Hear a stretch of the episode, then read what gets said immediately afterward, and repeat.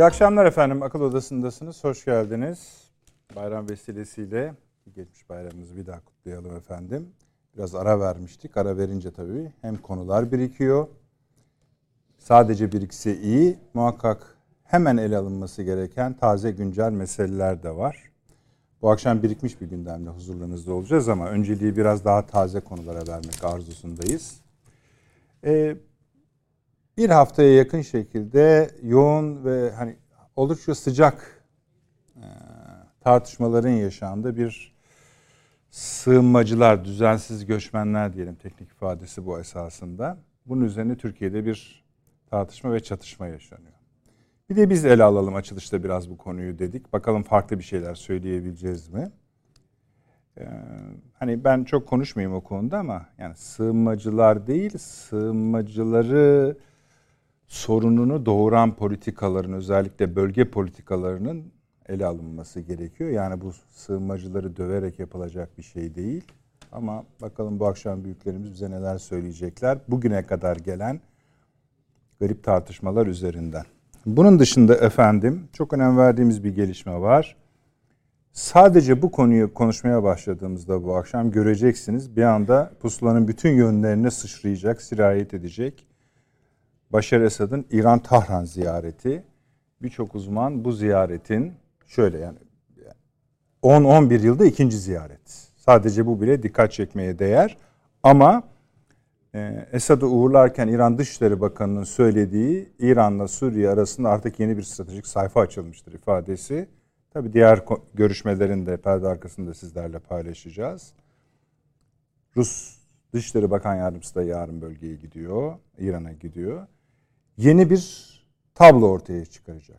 Dediğimiz gibi bu Suriye ilgilendiriyor, Irak'ı, İran'ı, bizi. Hatta diyebilirim ki belki Ankara'nın ilgisi şu an Ukrayna'dan hızla Tahran'a dönüyor olabilir. Bu önemli bir konu. Ukrayna bu akşam daha geri sıralarda ama yeni gelişmeleri en azından sizinle beraberce üzerinde tartışmak, analiz etmek istiyoruz. Avrupa'da ilginç gelişmeler var. Fransa çıktı dedi ki bu Avrupa Birliği meselesini bir düşünelim. Kurumsal reformlar yapalım. Bu herkese bir oy olmaz, oy çoğunluğu meselesini getirelim. Biz bunu NATO ve NATO üzerinden konuşuyorduk. İşte bak bakın bu Macron'un yeni seçilmesinden sonra böyle bir laf ortaya atıldı. Bir de Avrupa siyasi topluluğu ifadesini kullanıyor.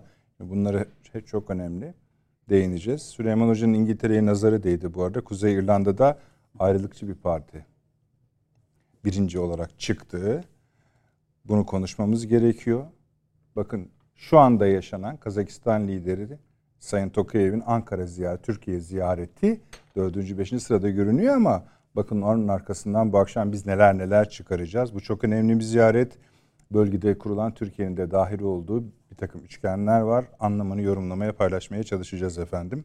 Böyle gidiyor listemiz. Avrupa Birliği'nin aldığı tam da biliyorsunuz 9 Mayıs Rusya'da ona da değineceğiz. Ee, onların zafer bayramı diyelim kutladıkları bir dönemde almak istedikleri bir yaptırım vardı. Petrol yaptırımı. Onun iç konuşmalarını size anlatacağız. Bakın Avrupa için nasıl savruk, nasıl dağınık. Başkan Biden da Amerika dedi ki ee, ben de de bu Ukrayna'dan Rusları nasıl çıkarabileceğimizden artık ümidi kesiyorum. O konuşmanın bir bölümünü sizinle paylaşacağım tırnak içinde. Onların iç görüşmelerinde de problemler var. Galiba orada işler biraz tersine doğru dönüyor gibi. Devam edeceğiz efendim. Bu oligarkları kimler öldürüyor meselesi var. İsveç Finlandiya meselesi var. Türkiye burada nasıl davranacak? Evet kesinleşmeye başladı. En azından Finlandiya'nın NATO başvurusu. Saymayayım. Ee, bir giriş yapalım. Sayın Avni Özgür hoş geldiniz. Hoş bulduk. Nasıl geçti bayram tatiliniz öyle güzel. söyleyelim. Ee, Profesör Doktor Süleyman Seyfi Ün, İstanbul Ticaret Üniversitesi Yönetim Üyesi Kıymet Hocam şeref verdiniz. Evet, hoş geldiniz. Ve Profesör Doktor Çağrı Erhan Hocam, Altınbaş Üniversitesi Rektörü. Hocam hoş geldiniz. Hoş bulduk. Teşekkür ee, evet Avni abi. Bak, konuşalım mı sığınmacılar meselesini yani düzensiz göçmenler diyelim. Ne oluyor? Yani bir işte bir gariplik gör yani tartışmalarda gariplik var da Herhalde başka şeyler söylemek Türkiye'de e, tartışmaları kabartan bir siyasi tablo var. Yani e, burada e, Ümit Özdağ yani ismin isim söylemek zorundayım. Tabii. Onun başlattığı bir şey var. E, köpürtme faaliyeti var. Bu köpürtmenin kontrollü bir köpürtme olup olmadığını tartışıyoruz. O ayrı mesele. Hı hı. Ama insanlarda, toplumda zaten bu e, sığınmacılarla alakalı olarak bir e, hoşnutsuzluk veya tedirgin bir duruş, e, kaygı, kuşku var iken üstüne bir de böyle e, şüphe dökülünce, şüphe e, sosu dökülünce iyiden iyiye toplumun derhal birinci gündem maddesi haline neredeyse geri veriyor. Bayramda bunu herkes konuştu. Ee, ve o kadar ki yani iktidar partisi, AK Parti bile etkilendi. Yani tabii canım hemen göndereceğiz biz de zaten filan şeyine girdi. Sonradan ne oluyoruz sonra düşünme herhalde başladılar ki yani hatta o kadar ki Sayın Cumhurbaşkanımız bile değil mi? 1 milyon Suriyeli gidecek işte işte İçişleri Bakanı falan hepsi bir tane bir koldan şey yaptılar. Arkasından gördüler ki bu iş öyle zannedildiği gibi kolay bir iş değil. Öyle gönderiyoruz demekle olmuyor. Kerpiç efendim şeyler e, biriket evler yaptık deyince biriket ev dediğinizde bizim e, köylerde hayvan bile otur koymuyor yani onlara. Onlar bir şey yaptık yerine geçmiyor yani o işler. e, bunca senedir Türkiye'de bu insanlar. Ve engellememişiz. İşte Aksaray'dan tut, işte Çarşamba, e, efendim Fatih, bütün bu bölgelerde yoğun şekilde İstanbul'da e, yer, yer edinmişler. Ticari hayata atılmışlar. İşte lokantalar, dükkanlar yani her şeyleri var ya yani burada da. Falan. Ee, başlangıçta yani biz bundan çok öyle şey e, rahatsız bir tav şey ortaya koymamışız. Veya bir engelleyici bir tavır ortaya koymamışız. Ama şimdi bunları gönder göndersek mi ki? Veya nasıl etsek de göndersek hı hı. dönüşüyor. Bu o kadar kolay değil. 10 yıl burada kalmış, on, hatta bir kısmı 10 yıldan da fazla burada kalmış, burada doğmuş bazısı. Burada okula gitmiş, başlamış. Burada iş kurmuş insanlara. Hadi toplanın. Öyle o kadar kolay değil. Bir çocukların bir kısmı burada doğmuş. Bazısı burada evlenmiş. Yani bu o kadar efendim ha, neye göre toplayıp gö- göndereceksiniz geriye? Veya sen dükkanı kapat, e, o şekerci dükkanını kapat, sen git. Nereye gidecek? Bunun için biraz daha böyle sağduyuyla ve daha sakin çözüm üretmek lazım. Ha mevcut tablo hoşa gidecek bir tablo mu? Hayır yok. Ama bu hoşa gitmeyen tablonun sorumlusu da onlar değil yani biziz. Yani hatayı bir eğer ilk buraya yerleşim noktasında biz e, yapmışız. İşte programa girmeden evvel hocam da söyledi. E, efendim böyle bizim kırmızı çizgimiz 100 bin kişi filan gibi sözler. Daha fazlasını ne alacağımızı düşünmemişiz. Yani bugün gelinen sınır Türkiye'nin öngördüğü bir şey değil. Ama biz hani e, Orta Doğu'daki tablo e, Suriye ile alakalı politikaların yani o bizim Suriye konusundaki politikalarımızdaki zikzaklara bir bakarsak biraz ona da bakmak lazım. Yani önce gayet aramız hoş, şeydi, şey, gayet hoş hoştu. Evet, ortak bakanlar kurulu, şunlar bunlar filan yani bunların hepsi var idi. Sonra birdenbire Emevi Camii'nde namaz kılacağız diye Hillary Clinton gaza getirdi. O Suriye'nin üstüne sürdü bizi. Ondan sonra da bu Türkiye'nin yüzünden işte bu Suriye'nin dengesi bozuldu diye aynı Hillary Clinton ve Amerika Türkiye'yi suçlayan şeyler yaptılar. Suriye ordusu parçalandı malum. Onun içinden bir grup Özgür Suriye Ordusu diye çıktı ortaya. Önce Suriye'nin önemli bir üçte birine filan bir hatta daha fazlasına hakim oldu Özgür Suriye Ordusu. Fakat devam edemedi. Dikiş tutturamadılar.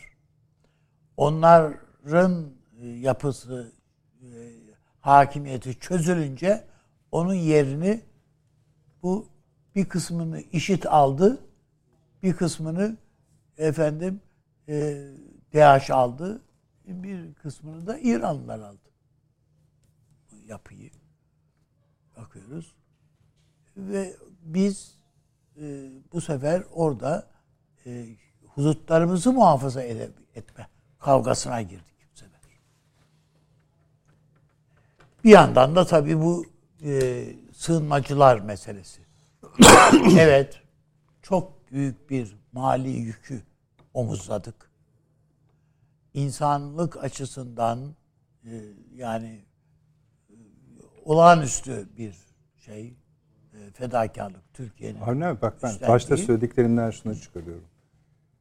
Bunların geri gönderilmesinde siz müşkilat görüyorsunuz. En Müşkilat değil, imkansızlık. İmki- Peki siz öyle söylüyorsunuz. İmkansız. İmkansız. Şimdi basit bir şey. Mesela Peki nasıl halledeceğiz? Suriye'nin, Suriye devletinin yani Şam'ın öngördüğü bir şey var.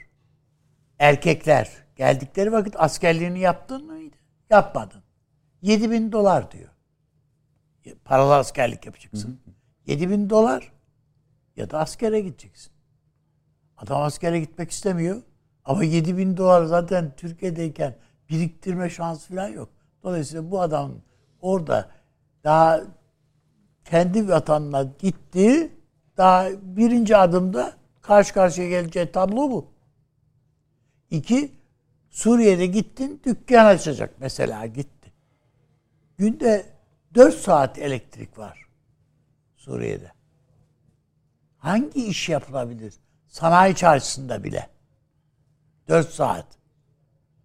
Ne yapılabilir orada? Hiçbir şey yapılamaz. Ekonomisi çökmüş bir ülke. Maaşları İran veriyor. Bir kısmını. Bir kısmını işte o Arap ülkelerinden gelen paralar filan. Sonra işte bu PKK'dan arta kalan petrol paralarından. Bunlar geliyor. Ne kadar? Günde 2 dolar. Bununla nasıl aile geçindireceksin? Yıkılmış bütün şehirler. Bunların hiçbirisi yok. Dolayısıyla yani örnek şöyle bir şey. Mısır e, Suriye'ye vizeyi kaldırmış. Bir ara. Vizeyi kaldırmış. Kahire uçuşlarının uçuşları 6 ay full dolu. Rezervasyonlar kapandı. Yani sonra kapatmışlar tabii. Yani bırak buradan Suriye'ye insanları göndermeyi mevcut oradaki Suriyeliler dışarıya nasıl kaçarız diye tekrar Türkiye'ye nasıl geliriz diye hiç mesela bayramda gidişi yasakladık değil mi? Evet. Hiç bağırış çağırış ya nasıl yaparsınız biz de ya falan. Hiç duydum ya böyle bir şey yok. Yani gitmek öyle şey değil yani. Öyle cazip bir şey değil yani. Aman ha gideriz de e, geri almazlarsa çok kötü olur diye bakıyorlar.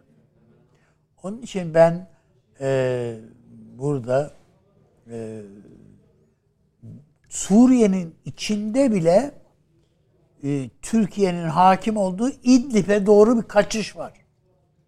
Hem de Laskiye'den yani rejimin hakim olduğu yerden kaçıyorlar. Buraya baktığım vakit o zaman bizim bu meseleye öyle e, kolay bir halledil çare vardır. İşte şu kadarını göndereceğiz, bu kadar bilmem ne edeceğiz falan gibi böyle değil. Bir kısmını kendi içimizde kalacak bir kısmı. Önemli bir kısmı hem de. Suriye yeniden imar edilmeden, Suriye ayağa kaldırılmadan ve Suriye'de nihai bir çözüm nasıl olacak? Amerika ne istiyor, Rusya ne istiyor? Buna karar vermeden daha pazarlık aşamasında daha dün değil evvelsi gün herhalde değil mi? Esed Tahran'a gitti. Onu ayrı konuşalım da abi. Peki nasıl Yani- bak şimdi Türkiye'de bu konuşma Daha konular- pazarlıkları yani uluslararası pazarlıkları Tabii sürüyor. tabii daha o geleceğiz oraya. Yani mesela Suriye'deki terör örgütünün hakimiyetindeki bölge vesaire onlara geleceğiz. Gel gelelim bu tartışma şu anda alevli bir tartışma. Evet. İşin içinden nasıl çıkacağız? İşin içinden öyle biz böyle gönderelim diye başlayan bir cümleyle bundan çıkış yok. Benim söylemek istediğim bu. Ha bunu öyle e, ensar, muhacir şeyiyle söylemiyorum yani. Anladım anladım. O işin duygusal tarafı. Ama onun ötesinde bir de gerçek önümüzde duruyor. Gitmem diyor adam. Ne yapacağız yani? Zorla mı bindirip göndereceğiz kamyonlara? Hayır böyle bir şey mümkün değil. Uluslararası hukuku, arası hukuk açısından da mümkün değil. Ha ama biz ne yapabiliriz? Büyük şehir yani İstanbul gibi yerlerde, büyük şehirlerimizde seyreltebiliriz. Buna buna buna teşvik ederiz. Yani sen burada değil, efendim şurada, şu şehirde biraz buralarda şey yapmalısın. Kalmalısın. Yerleşmelisin. Örnek verebilir Diyebilir. misiniz? İster misiniz örnek vermek? Yani bö- yani bölgesel örnek belki daha rahat edebileceklerini düşünerek Güneydoğu illerimizde olabilir filan Bö- böyle ya- bir, bir takım yerleştirmeler düşünülebilir. özendirilebilir. Mesela şimdi bir takım krediler veriliyor değil mi? Evet. Bu e, yani konut kredileri, şunlar bunlar veriliyor. E, bu insanlar için de böyle bir takım özendirici, e, efendim teşvik edici bir takım destekler, maddi destekler. Yani bunlar öyle evet vardır mutlaka işlerinde para kazanmış olan e, imkanları olan insanlar da vardır. Ama çoğu böyle midir? Yani hayır hiç yoksul insanlar yani. Bu insanlara eğer bir bir takım maddi destekler de efendim al bununla şu e, evi alabilirsin orada veya şu dükkanı kurabilirsin eğer mesleğin varsa şu kaportacılıksa orada yapabilirsin bak dükkan falan filan bunlar olabilir. Yani bu tür teşviklerle kendi içimizde bir takım önemli bir sayıda e, Su- Suriyelinin e, burada kalacağını öngörmemiz lazım. Gitmeyecek. Yani burada okuluyor.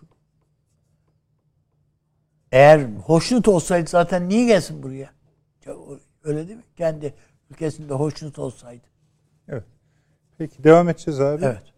Yani en azından yani somut bir şey yani, Yani seyreltme biraz belki Türkiye'deki genel e, şeye biraz aykırı bir şey belki söyleyeyim ama Türkiye'deki yani tartışmalar çok hızla kavga üzerinden döndüğü için oradaki verim yani akıllıca bir şey söylense bile kimsenin duyduğu ettiği yok. Kavga gibi gidiyor. Ama bakın işte bir şey söylediniz. Yani büyük şehirlerde yani biraz seyreltelim veya ve çeşitli bölgelerde. yani baş hatayı yapan şey biziz bu. yani yerleştirmişiz yani veyahut da ses çıkarmamışız. Öyle değil mi? Yani bu. Süleyman Hocam buyurunuz. Estağfurullah. Şimdi bu demografik savrulmalar günümüzün küresel bir problemi. Evet. Bir kere bunu önce oraya bir Dönem yani koymamız çağ lazım. o çağ. Evet. Ee, yani Meksikalılar Amerika'ya gitmeye çalışıyor. Afrika Almanya'ya veya İsveç'e, Ukrayna Avrupa'ya gitmeye Yani çalışıyor vesaire. Evet. Şimdi bunda tabii oralara hiç girmeyeceğiz ama bir tespit yapıp geçelim. Buyurun. Birinci derecede sorumlu olan son 20-30 senesine tarihin e, imza atmış olan ve dünyadaki eşitsizlikleri alabildiğine derinleştiren e, üstelik bu eşitsizlikleri bir de normalleştiren bu neoliberal entelektüel yatırımlardır yani. Ve tabii onun içinde dönen sermaye hareketleridir. Neyse oralara girmeye çok gerek yok. Ama herkes bundan nasibini alıyor. Yani Almanya'da alıyor, İngiltere'de alıyor, Fransa'da alıyor. Biz de aldık. Yani. Bu yer değiştirmelere, göçlere, sığınmalara adını nasıl koyarsak koyalım. İlk defa mı tesadüf ediyoruz? Hayır. Tarihsel olarak zaten biz dünyanın en bu anlamda hareketli coğrafyalarından birinin üzerinde oturuyoruz. Yani hep şunu söylemez miydik biz? Anadolu bir köprü gibidir. Evet. Oradan ne uygarlıklar gelmiş, ne uygarlıklar geçmiştir. E tamam. Bu arkeolojik bir iftihar duygusu filan sağlayabilir de yani bunun aktüel karşılığı o değil ki. Her gelen buraya ne çileyle geldi, nelerle karşılaştı. Kimdir burada otokton olan? Değil mi yani? Kim sonradan gelmiştir? Kime göre sonradandır falan. Hakikaten burası zaten böyle demografik manada böyle harman yeri gibi bir yer burası yani. Ee, onun için alışkınız. Yani e, imparatorluğun çözülme süreçleri buna çok dramatik bir boyut ekledi. İşte Balkanlardaki e, soydaşlarımız, dindaşlarımız buralara geldiler. Milyonlarca insan. Kafkasya'dan göç aldık. Ve göç verdik. Buranın otokton Hristiyan toplulukları veya Musevi toplulukları da başka yerlere gidip oraları vatanladılar. Yani vatanlandılar. Arjantin'de çıkıyor Türkçe konuşuyor bir Ermeni veya ne bileyim bir Yahudi falan. Şaşırtıcı değil bunlar. Fakat bu hiçbir şeye benzemedi. Son yaşadığımız hikaye hiçbir şeye benzemedi. Ee, bir kere nicelik açısından benzemedi. Çok kısa bir zaman aralığı içerisinde bu kadar büyük bir nüfusu hiç kimse sindiremez. Bakınız Batı zaten bu konuda peşin hükümlüdür. Yani Avrupa için yabancı kategorik olarak reddetme sebebidir. Biz bir imparatorluğun mirasçılarıyız. İmparatorluk bakışında bu yoktur. İçerir, ihtiva eder, Kapsar. kapsar, sindirir. Avrupa'nın demografik sindirim mekanizması yoktur. Kuruluşundan beri böyledir. Bizim var. Onun için bu adamlar gelirken yani bu mesele niye buralara kadar geldi? Bunun cevabını İmparatorluk vermek. dört dilli hocam Tabii ki neredeyse. canım. Yani Öyle değil mi imparatorluk yani? başka bir şey yani. İmparatorluk deyince o o yani diyoruz işte kozmopolitti. Evet.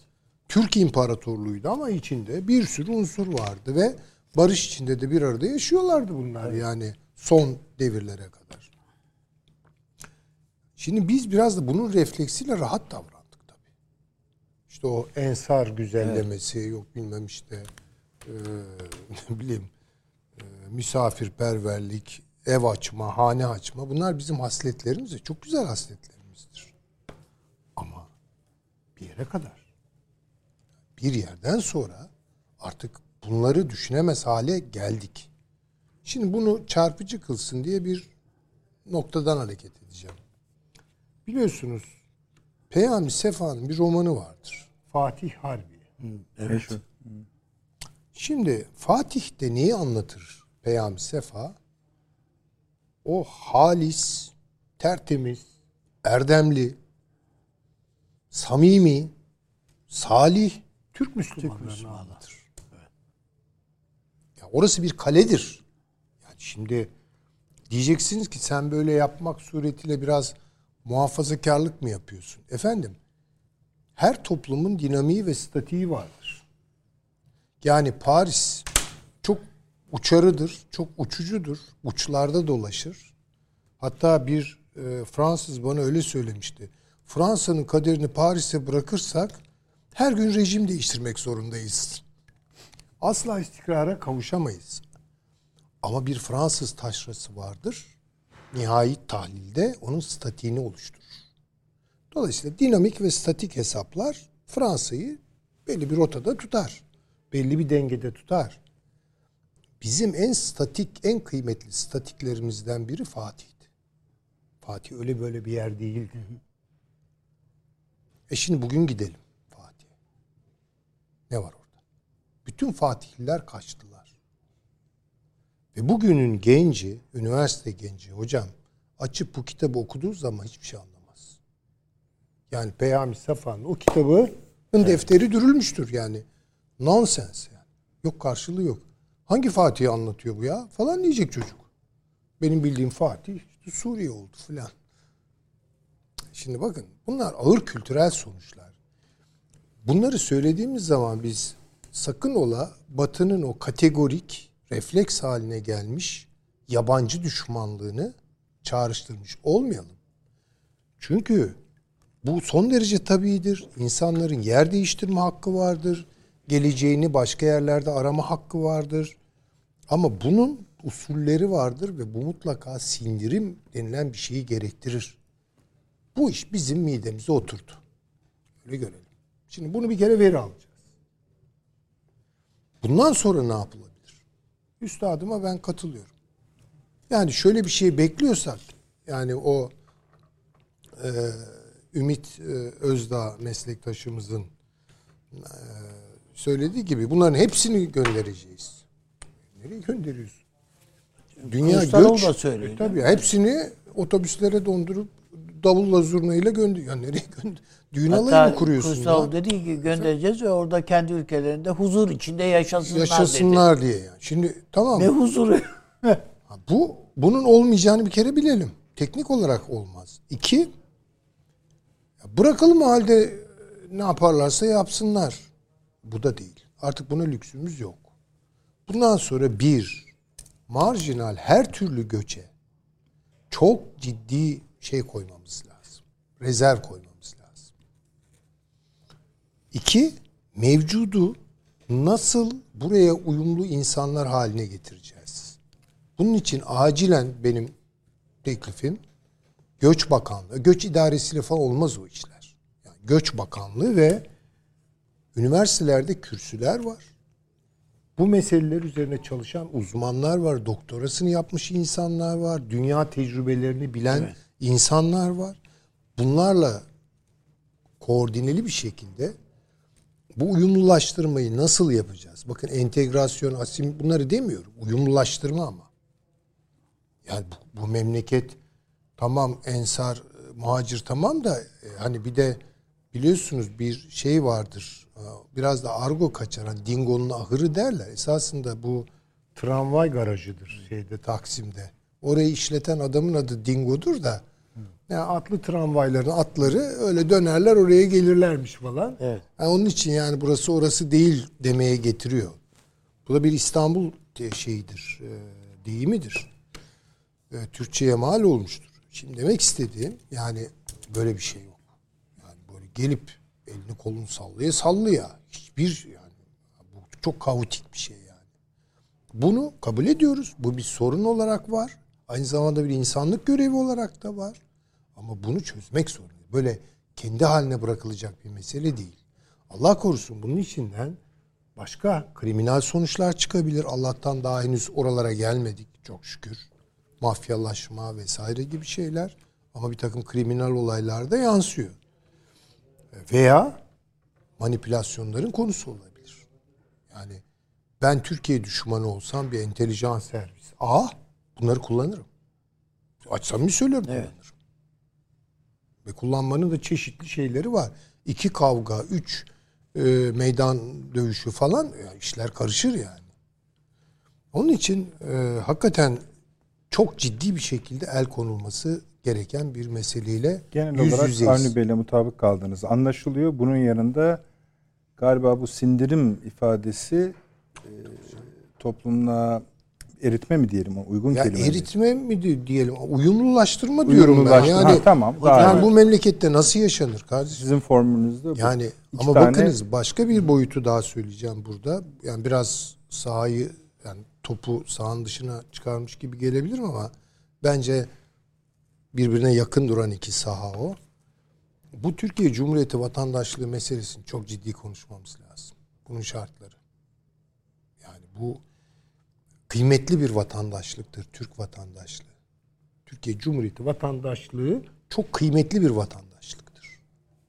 Bunu bakın Suriyeli de bilir, Iraklı da bilir, Mısırlı da bilir, hatta İranlı çok iyi bilir. Balkanlılar bilirler. Yani Türkiye Cumhuriyeti vatandaşlığı lalet aynı bir şey değildir. Vatandaşlık siyasetimiz ne olacak? Buna da çok dikkat edelim. Oralarda da bence ipin ucunu kaçtığı çok şey var. Hani konu orayla ilgili olmadığı için söyleyeceğim. Yani e, söylemekten kaçınacağım şu an için. Gerekirse söylerim tabii. Ama bu yabancılar meselesi. Türkiye'de bir yabancının hangi şartlarda yaşayacağı, hangi kurallarla yaşayacağı, neyi ne kadar hak edeceği, ne zaman hak edeceği esaslara bağlanmak zorunda. İki maddeyle geçiştirilmez o. Yani sen gel buradan bir tane daire al, al vatanda böyle olmaz. Bakın bu bu küçümsemektir. Bu kendi kendimizi küçümsemektir. Olmaz. Ve diğer taraftan herkes gelsin. Hani Mevlana'nın söylenen ki Mevlana öyle bir laf etmemiştir. Gel gel kim olursan ol gel. Bir dakika yani kasaba çarşısında müşteri çağırmıyoruz yani. Öyle Herkes, gelemez. Ha, hiç kimse gelmesin demek ayrı bir şeydir. O gider. Ben benden ibaret kalayım. Bu sakat bir düşüncedir ve batının hastalığıdır. Biz imparatorluk çocuklarıyız.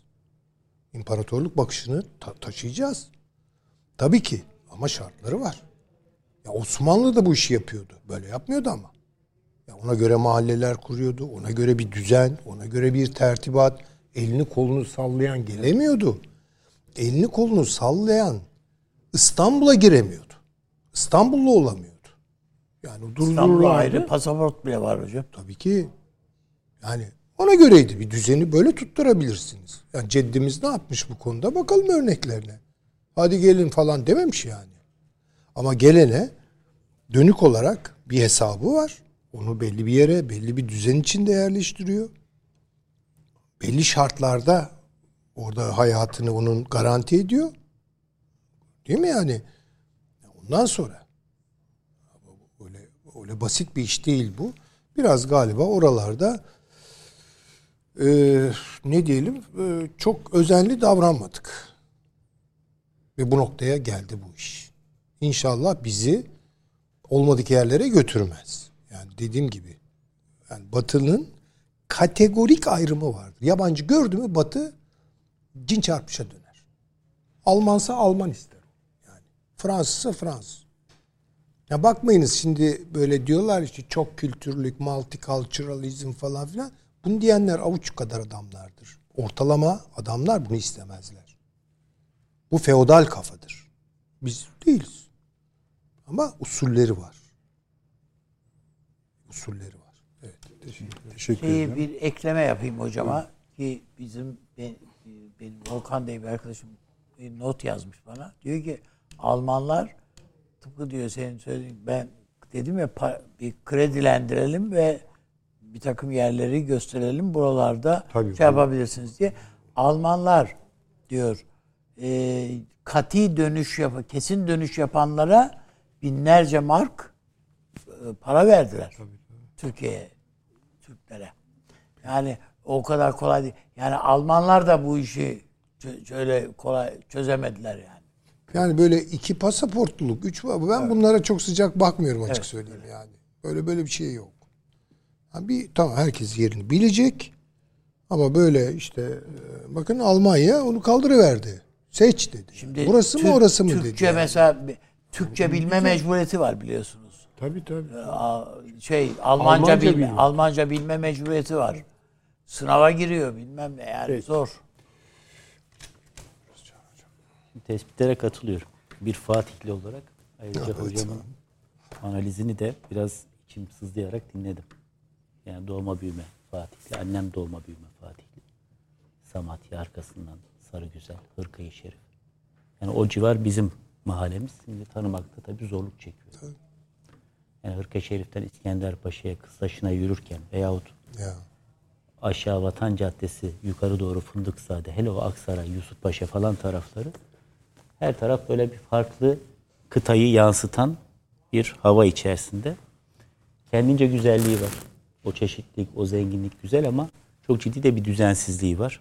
Yani oranın kendine has otokton yapısı da ortadan kalkmış durumda. Yani şudur, Fatih İstanbul'dur yani. Fatih Sultan kalbidir. Mehmet'in fethettiği yer orası. Kalbidir. Yani İstanbul diye bir yer yoktu, orası var. Üsküdar ve Fatih'tir. Yani Kadıköy, Üsküdar, Fatih, Eyüp belki sonradan belki ama de. asıl Suriçi dediğimiz yer orası. Fatih'tir. Dolayısıyla önemli bu. Peki ne yapmak lazım? Şimdi ben bir sizler konuşurken not da almaya çalıştım. 3-4 maddelik bir aslında yapılması gerekenler e, listem var benim. Bunu da mümkün mertebe uzun süredir yüksek sesle dillendiriyorum. Yani benim gündemimde bu mesele son bayram öncesi ve sonrası siyasi münakaşalara mal edildiğiyle başlamadı. Daha evvelden gözlemlere dayalı ya geliyor gelmekte olan falan diyorlar ya bir şey geliyor yani. Yani o 100 bin 500 bin olduğunda tamam dedim eyvah 5 katı. Bugün 40 katı. Bak kırmızı çizgi dediğiniz 100 bin bugün 40 katı. 4 milyon. Demek, demek ki çok ciddi bir başımızı kuma sokarak falan bu iş olmaz. Bir şey var. Şimdi birinci madde. Bir defa şeffaf olacağız. Bu çok önemli. Yani bizim hocalarımın ifade ettiği o tedbirleri, stratejileri gerçekleştirebilmemiz için, belki o göç bakanlığını kurabilmemiz için veyahut mevcut kurumu daha da etkin hale getirebilmemiz için evvela verileri çok sağlam tutmamız ve bu tuttuğumuz verileri de vatandaşla paylaşmamız gerekiyor. Neticede bunların masrafını karşılayan bizleriz. Vergi mükellefi Türk vatandaşları. Avrupa'dan gelen çok az. Yani 6 milyar avro söz verdiler. 2,5-3 milyar civarında geldi. Geri kalan bakın en son verilen rakam 2019'da 4, 40 milyar dolar harcadık denmiş. Bugün hadi bu 60 olsun, 70 olsun ama çok ciddi bir rakamdan bahsediyoruz. Demek ki aşağı yukarı 50-60 milyar dolarlık bir parayı bizler devletimizin kaynakları ya milletimizin kaynaklarıyla karşılamışız. Dolayısıyla bizlerin hakkı değil mi? Mesela neleri bilmiyoruz? Rakamlar konusunda aşağı yukarı bir tablo ortaya konuldu. Şu kadar milyon kişi var. İşte şu illerde şu kadar nüfusunda bu kadarını oluşturuyor. Hocam bakın en son sizi teyiden bir şey söyleyeyim. En son Avrupa 1 milyar 560 milyon euro. o kadar işte. Ötesini Ve vermemiş. Bize değil. 1 milyar. 3 ülke. Türkiye, Lübnan ve Ürdün'e paylaştıracak. Yani Sadaka. Türkiye'nin payına ne kadar düşer? Maalesef. Çok az. Buyurun. Şimdi mesela neleri bilmiyoruz ya da paylaşılmıyor. Tamam nüfus böyle ama bunun ne kadarı kadın ne kadarı erkek. En basitinden başlayalım. Yani temel demografik, demografik veriler sorun. dediğimiz zaman 0-5 yaş arası ne kadar? Okul çağına gelmiş ne kadar? Orta mektepte ne kadar? Lisede ne kadar? Üniversite çağına gelmiş ne kadar? Günlük doğum oranı ne? Ölüm oranı ne? Bunlar öldü mü nereye gömülüyor? Ya bir Covid hadisesi geçirdik değil mi? iki senedir. Bunlardan hiç kimse Covid olmadı. Ne kadar aşılandı? Olmaz olur mu hocam? Ya olmaz olur mu canım? Olmuştur yani değil mi? Ne kadar aşılandı, ne kadar aşılanmadı. Diyeceksiniz ki niye önemli? Ya siz bu verileri akademik bir ortamda, bağımsız bir ortamda tartışmazsanız çözüm üretemezsiniz. Bu mesele Ankara bürokrasisinin çözüm üretebileceği bir mesele olmanın ötesine geçmiştir. Bunu bizim bütün entelektüel camiamızın düşünerek dünya kadar göç araştırma merkezleri var Türkiye'de. Çeşitli Yeni bir tane icat üniversitelerimiz de var ya. Yani üniversitelerimizin bünyesinde Hacettepe'den tutun işte Türk-Alman Üniversitesi'ne kadar başka bir yere kadar dünya kadar kurmuşuz biz bunları. Niye kurmuşuz? Avrupa'daki bizim göçmenleri araştıralım diye kurmuşuz. Şimdi gelmiş mesele bizdeki sığınmacılara. O zaman biz bunları hatta bazen de mukayese yaparak mesela işte 40 senedir 50 senedir Avrupa'da bulunan Türklerin durumuyla belki bunları mukayese ederek bir takım sonuçlara ulaşmamız lazım ama her şeyden evvel verilerin sağlam tutulması, sayılabilmesi. Mesela yılda bir Türkiye artık bir göç raporu açıklamalıdır. Her yıl açıklayacak Göç İdaresi Başkanı. Diyecek ki Türkiye'nin 2022 göç raporu şu kadar Suriyeli, şu kadar Afganlı, şu kadar Pakistanlı, şu kadar Nijeryalı var. İşte geçici koruma altında olanlar bunlar, sığınmacı statüsünde olanlar bunlar, düzensiz göçmenler bunlar, şu kadarı gitti, bu kadarı geldi. Yani bu rakamları bilmiyoruz. Bilmediğimiz zaman ne oluyor biliyor musunuz? Çok afaki konuşuyoruz ve çok genellemeler yapıyoruz. 3.7 milyon Suriyeli. Bunların hepsi fakir fukara mı ya? Mümkün mü? Yani fakir fukara olsa bu Meslek gelip sahipleri var Ya hocam. meslek sahibi var, fabrikatörü var. Tabii. Trilyoneri var. Yani sırf fakiri fukarası gelmedi ki bunların arasında. Adam gidiyor işte dükkan açıyor. Atölye açıyor. Yanında adam çalıştırıyor. Vergi veriyor mu? Veriyor. Açıklayacaksın. Bak bu adam burada bu işi yaptı ama bu kadar vergi veriyor. Bu kadar ekonomiye de katkı sağlıyor. Zaman zaman söyleniyor böyle şeyler. Bunların açıklanması lazım ki kafalardaki istifamlar ortadan kalksın. Yani o mağduriyet edebiyatı bir yere kadar. Bunların hepsi çulsuz. Hiçbiri aynı Hayır, kategoriye sokaktaki sokulamaz. dilenci zannediliyor. Değil. Yani hepsi- Bunların Değil. içerisinde profesör olanı var. Bunların içerisinde bir tane vardı. Uzaya ilk giden biliyorsunuz Müslüman Evet. astronot. Amer- Amerika bir vatandaşlık verdi gitti. Hocam bir tanesine Almanya vatandaşlık verdi. Almanya. Dünya çapında bir piyanist genç bir çocuk. Piyanisti var, fizikçisi var, profesörü var, sporcusu var falan. Yani Bunların bunlar yalnız hemen hemen tamamını kaçırdık hocam. Seçer, Ama niye seçerek kaçırdık? alacağız demişlerdi Seç- ya. seçmekten Fransa, ziyade İngiltere, bakın, Yunanistan seçmek, ben hepsi orada şeye katılıyorum. Yani hocam çok doğru ifade etti. Biz bu en başta hazırlıksız ve düzensiz, plansız yaptık bu işi. Çünkü beklentimiz o 100 bini geçmeyecek idi. Fakat sonra da bir fırsatı kaçırdık. Yani oturup vaktimiz vardı ikinci senesinde, üçüncü senesinde. Ya oturalım arkadaş şunu bir analiz edelim. Biz bunları, hepsi bunların İstanbul'a gitmek istiyor. Hepsi Ankara'ya gitmek istiyor. Bunları başka yerlere de dağıtalım. İşte meslek sahibi olanları belki şuralara yönlendirelim vesaire. Bunlar yok. yok seçerek alırım diyen Avrupa için söylüyorum yani bizim için. Maalesef onlar alıyor işte Ukraynalıları da öyle yapıyorlar. Ya bilmiyorum o nasıl bir fikir. Bir Irkçılıktan da, yapıyorlar. evet. Irkçı. Şimdi mesela bunların Suriye'de malı mülkü nerede var?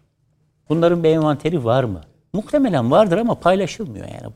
Halbuki bunların şeffaf olması gerektiğini söylüyorum. Çünkü artık vatandaş bunu konuşuyor. Vatandaşın bu bilgilere sahip olma hakkı olduğunu ben düşünüyorum. Bunun bir gizli tarafı yok. Yani kaç kişi, yaşları kaç, işte ne kadar vatandaş olmuş. Bunlar soruldu mu söyleniyor sanki gizli bilgiymiş gibi ve şöyle bir hava oluşuyor. Bakın zorla bu şeyleri bilgileri aldık falan. Ya böyle bir bilgi değil. Herkesin aslında tutulması gereken ve paylaşılması gereken veriler. Yani her şeyden evvel birinci madde şeffaf olmak zorundayız. Verileri çok iyi tutmak zorundayız. Çok iyi veri bankalarımız olacak. Analiz edeceğiz. Gerekirse bunlar için işte yeni öğretim üyeleri, yeni analistler vesaireler oluşturacağız. Bu olursa ajitasyona da kapalı hale gelir. Şu an ajitasyona açık haldeyiz. Sayın Bakanımız da ifade etti. Yani bir operasyon sahasına döndürmeye çalışıyorlar bu insanları. Yani böyle bir ortamda servisler çok rahat bunu kullanırlar. İçeride de Bakın iki tane söylentiye bakın. de yaptılar hocam. Bayanlara, çocuklara tasaddi ile ilgili iki tane söylentiye, rivayete bakar. Ankara'da denediler bunu. Ankara'da hatırlayın geçen sene ne oldu? Değil mi? Bir gece bir baktınız bir bunların dükkanlarına Kav- karşı evet, vatandaş evet, bir yürüyü verdi. Evet. Sonra hemen durdu. Aman ha dediler sağduyulu olun. Ama bugünkü şartlarla geçen seneki bir değil. Türkiye'nin gerilimleri arttı. Hocam geçen esas- seneyle mukayese esas edildiğinde. Yani siyasi siyaset yapan insanların ben onun için demin Ümit Özdağ'ın ismini verdim. Yani e, bu bu insanların daha böyle hassas davranması lazım. Kaldı ki Ümit Özdağ bir de geçmişte güvenlik meseleleriyle filan meşgul olmuş tabii, bir insan. Yani ne yaptığının, attığı taşın nereye gittiğini bilmeyecek bir insan değil. Ama sanki bilmeyecek bir insan gibi davranıyor. Bilmeyen bir Türkiye'de insan gibi davranıyor. o 2-3 sene evvelle mukayese edildiğinde tabii şartlar değişti. Ee, seçim de yaklaşıyor. Gelecek sene bir seçim var. Ee, işte burada bir Rusya krizi, pandemiden çıktık. Ekonomik şartların olumsuza doğru gidişi bunlar bir araya geldiğinde pekala bunu bir ajitasyona dönüştürmek isteyen yabancı servis ve onların içerideki hain uzantıları yani FETÖ'sünden PKK'sına, DHKPC'sine pek çok hain var burada yani. Bunu Söyleyeyim hocam, pekala Afganistan'dan gelenler üzerinden denediler. denediler. Orada da iyice bir alev O- aldın ama sonra Sanki ka- kadınları orada bıraktılar, erkekler geliyor filan diye böyle tabii tabii. Halbuki şeyler. İran'dan neyse, Yani ikisini birbirine e, karıştırmayalım. Bir vaka var. Ama bu vakayı alıp çok farklı amaçlarla kullanmaya çalışan ülkede İstismar bir iç karışıklık evet. çıkartmaya çalışan ve gerekli tedbirleri alıp da sağduyuyla hareket etmediğimiz takdirde maalesef ya bu saman alevi gibi bir şeydir yani. Bir yerde çıkar başka bir yere bizim geçmişimizde de maalesef vardır. Var tabii. Yani böyle organize hiç bizde olmadı bir süsten çıkmış ak kaşık 6-7 Eylül'ü kim yaptı? Yaptı. tabii. Yani iki gece boyunca yağmalandı. Yani bunlar olabiliyor. Bunu yapan da yine bir servisti yani. Biliyorsunuz. Organize bir işti. Sabri 25 olduğunun itirafları var yani. Birincisi bu. Yani şeffaf olacağız, verileri iyi tutacağız. İki, şimdi bu yapılan anketler var. %70-75'i diyor ki bu şartlar altında ben dönmem Suriye'ye. Mümkün değil. Yani beni zorla zaten götüremezsiniz. Katılıyorum. Ama bu haliyle nereye gideceğim diyor. Evim yıkılmış, yerim yurdum yıkılmış, dükkanım yok, evim yok falan. Peki ne yapmak lazım o zaman? Bir defa şartlar değişmiştir. Bunu kabul edeceğiz. Ve bizim bu Suriye ile artık istihbari, istihbarat örgütlerinin ötesinde de bir diyalog kurma zamanımız geldi. Yani can ciğer kuzu sarması falan olalım diyen kimse yok. Bunlarla oturalım normal diplomatik ilişkiler kuralım diyen kimse yok. Öyle bir şart yok ortada. Ama en azından mesela Moskova'nın ara buluculuğuyla. Yani orada Rusya önemli bir faktör. Rusya'nın ara buluculuğuyla bizim teknik düzeyde bir araya gelerek geriye dönüşün şartlarını konuşmaya başlayabilmemiz lazım. Yani bu insanlar dönecekler. Bunlar sizin vatandaşınız kardeşim. Biz 10 senedir bunları misafir ediyoruz. Ama bunların dönebilmeleri için bunlar için gerekli şartların hazırlanması lazım. Bunu yapmamız için tabii biz motive olacağız da Suriye'nin motive olması için de çok önemli bir sebep var. Yani biliyorsunuz uluslararası ilişkilerde ebedi düşmanlıklar olmaz. Ebedi dostluklar da olmaz. Müşterek çıkarlar vardır. Müşterek tehdit algıları vardır. Bugün Türkiye ile Suriye'nin müşterek tehdit algısı buradaki PYD-YPG varlığıdır. ABD'nin yardımıyla ve verdiği silahlarla nüfusuyla gayri mütenasip bir şekilde, namütenasip bir şekilde ülke nüfusunun %10'u iken %33'ünü, 35'ini hem de petrol bölgesini kontrol etmeye başlayan bir PKK-PYD varlığı vardır. Bu hem Suriye açısından bir tehdit olarak algılanmaktadır hem Türkiye açısından bir tehdit olarak algılanmaktadır. Dolayısıyla aslında bizim güvenlik işbirliği için de bir şart oluşmuştur. Bu bu şahısların tekrar ülkeye geri dönüşlerine ve bu alanlara hiç olmazsa tekrar yerleştirilmelerine Suriye'nin yeşil ışık yakmasını sağlayabilir. Yani bugün orada %10'luk bir nüfusla %33'ü kontrol ediyorsa sebep oralar boşaltılmış. Boşalan insanlar Türkiye'ye, Ürdün'e gitmişler. Bunlar da meydanı boş bulup oraya çöreklenmiş. O zaman oradaki nüfus yapısının tekrar normale yani bu çatışma öncesine döndürülmesi lazım. Bu teknik görüşmeler Acaba yapılabilir. bunu Esed istiyor mu hocam? Yani Soralım havası bakalım öyle. istiyor mu? Şimdi arka arkaya biliyorsunuz şey yaptı. Ee, Genel af ilan etti. Yani ben Türk Güvenilir, basınından okudum. ayrı konu ama Türk basınından sizin okudum. bahsettiğiniz araziye yönelik e, onun da saldırıları var. Yani Şam yönetimi de Elbette var. Onların da Yani saldırıları var. Onlar da. Ha, var. Onlar hani bir çatışmaları var. Çatış- bilmiyoruz. Arka arkaya iki tane af ilan ettiği. Ben Türk Hele basınından son okudum. hafta biliyorsunuz cinayetleri filan bile affetti. Cinayet hariç diyor. Hepsini Yok bir bu affediyorum sefer diyor. son çıkanda Yani cinayeti de şimdi şey- doğrudan sormuyorsak Ruslara soralım. Ya bu adam ciddi mi? Hadi siz bize bir bakın Ruslar bu işe yeşil ışık yakar. Çünkü onlar da Amerika'nın güdümünde bir uydu devletin orada oluşmasını istemiyorlar aslında. İşte problem burada hocam bunu konuşalım. Yani bu İran meselesi Rusya açısından başka. Bizim Doğru. açımızdan Şimdi ben başka. iki maddem daha var. İsterseniz Buyurun. onu da söyleyeyim. Üçüncüsü şu. Tabii bizim burada bir yeniden yapılanma olacaksa bunu sadece kendi finansal kaynaklarımızla falan üstlenebilmemize imkan yok. Biz yapacağımızı yapmışız yani. 60 milyar dolar para ne demek? Harcamışız. O zaman bir uluslararası konsorsiyum oluşturulması lazım. Yani Suriye'nin yeniden imarı ile ilgili. Başta tabii Suriye'nin işte Arap komşuları, Körfez bunlar olmak üzere ve uluslararası alanda e, donörler toplantıları yapılmak suretiyle Suriye'nin yeniden imarına girişmek lazım. Ve bu insanların işte yerini, yu- yurdunu vesaire oralarda imar etmek lazım. Yoksa Suriye'nin kuzeyinde şu an terörden arındırılmış bölgede yapacağınız her türlü inşaat faaliyeti ancak bir geçici, çok kısa süreli bir barınmayı beraberinde getirir. Oranın kendi ekonomisini oluşturması 10 yıllar alır. Yani kolay değil bir uydu kent kuracaksınız. Onun ota sanayisiydi, yok tarım alanıydı, bakkalıydı, çakkalıydı falan.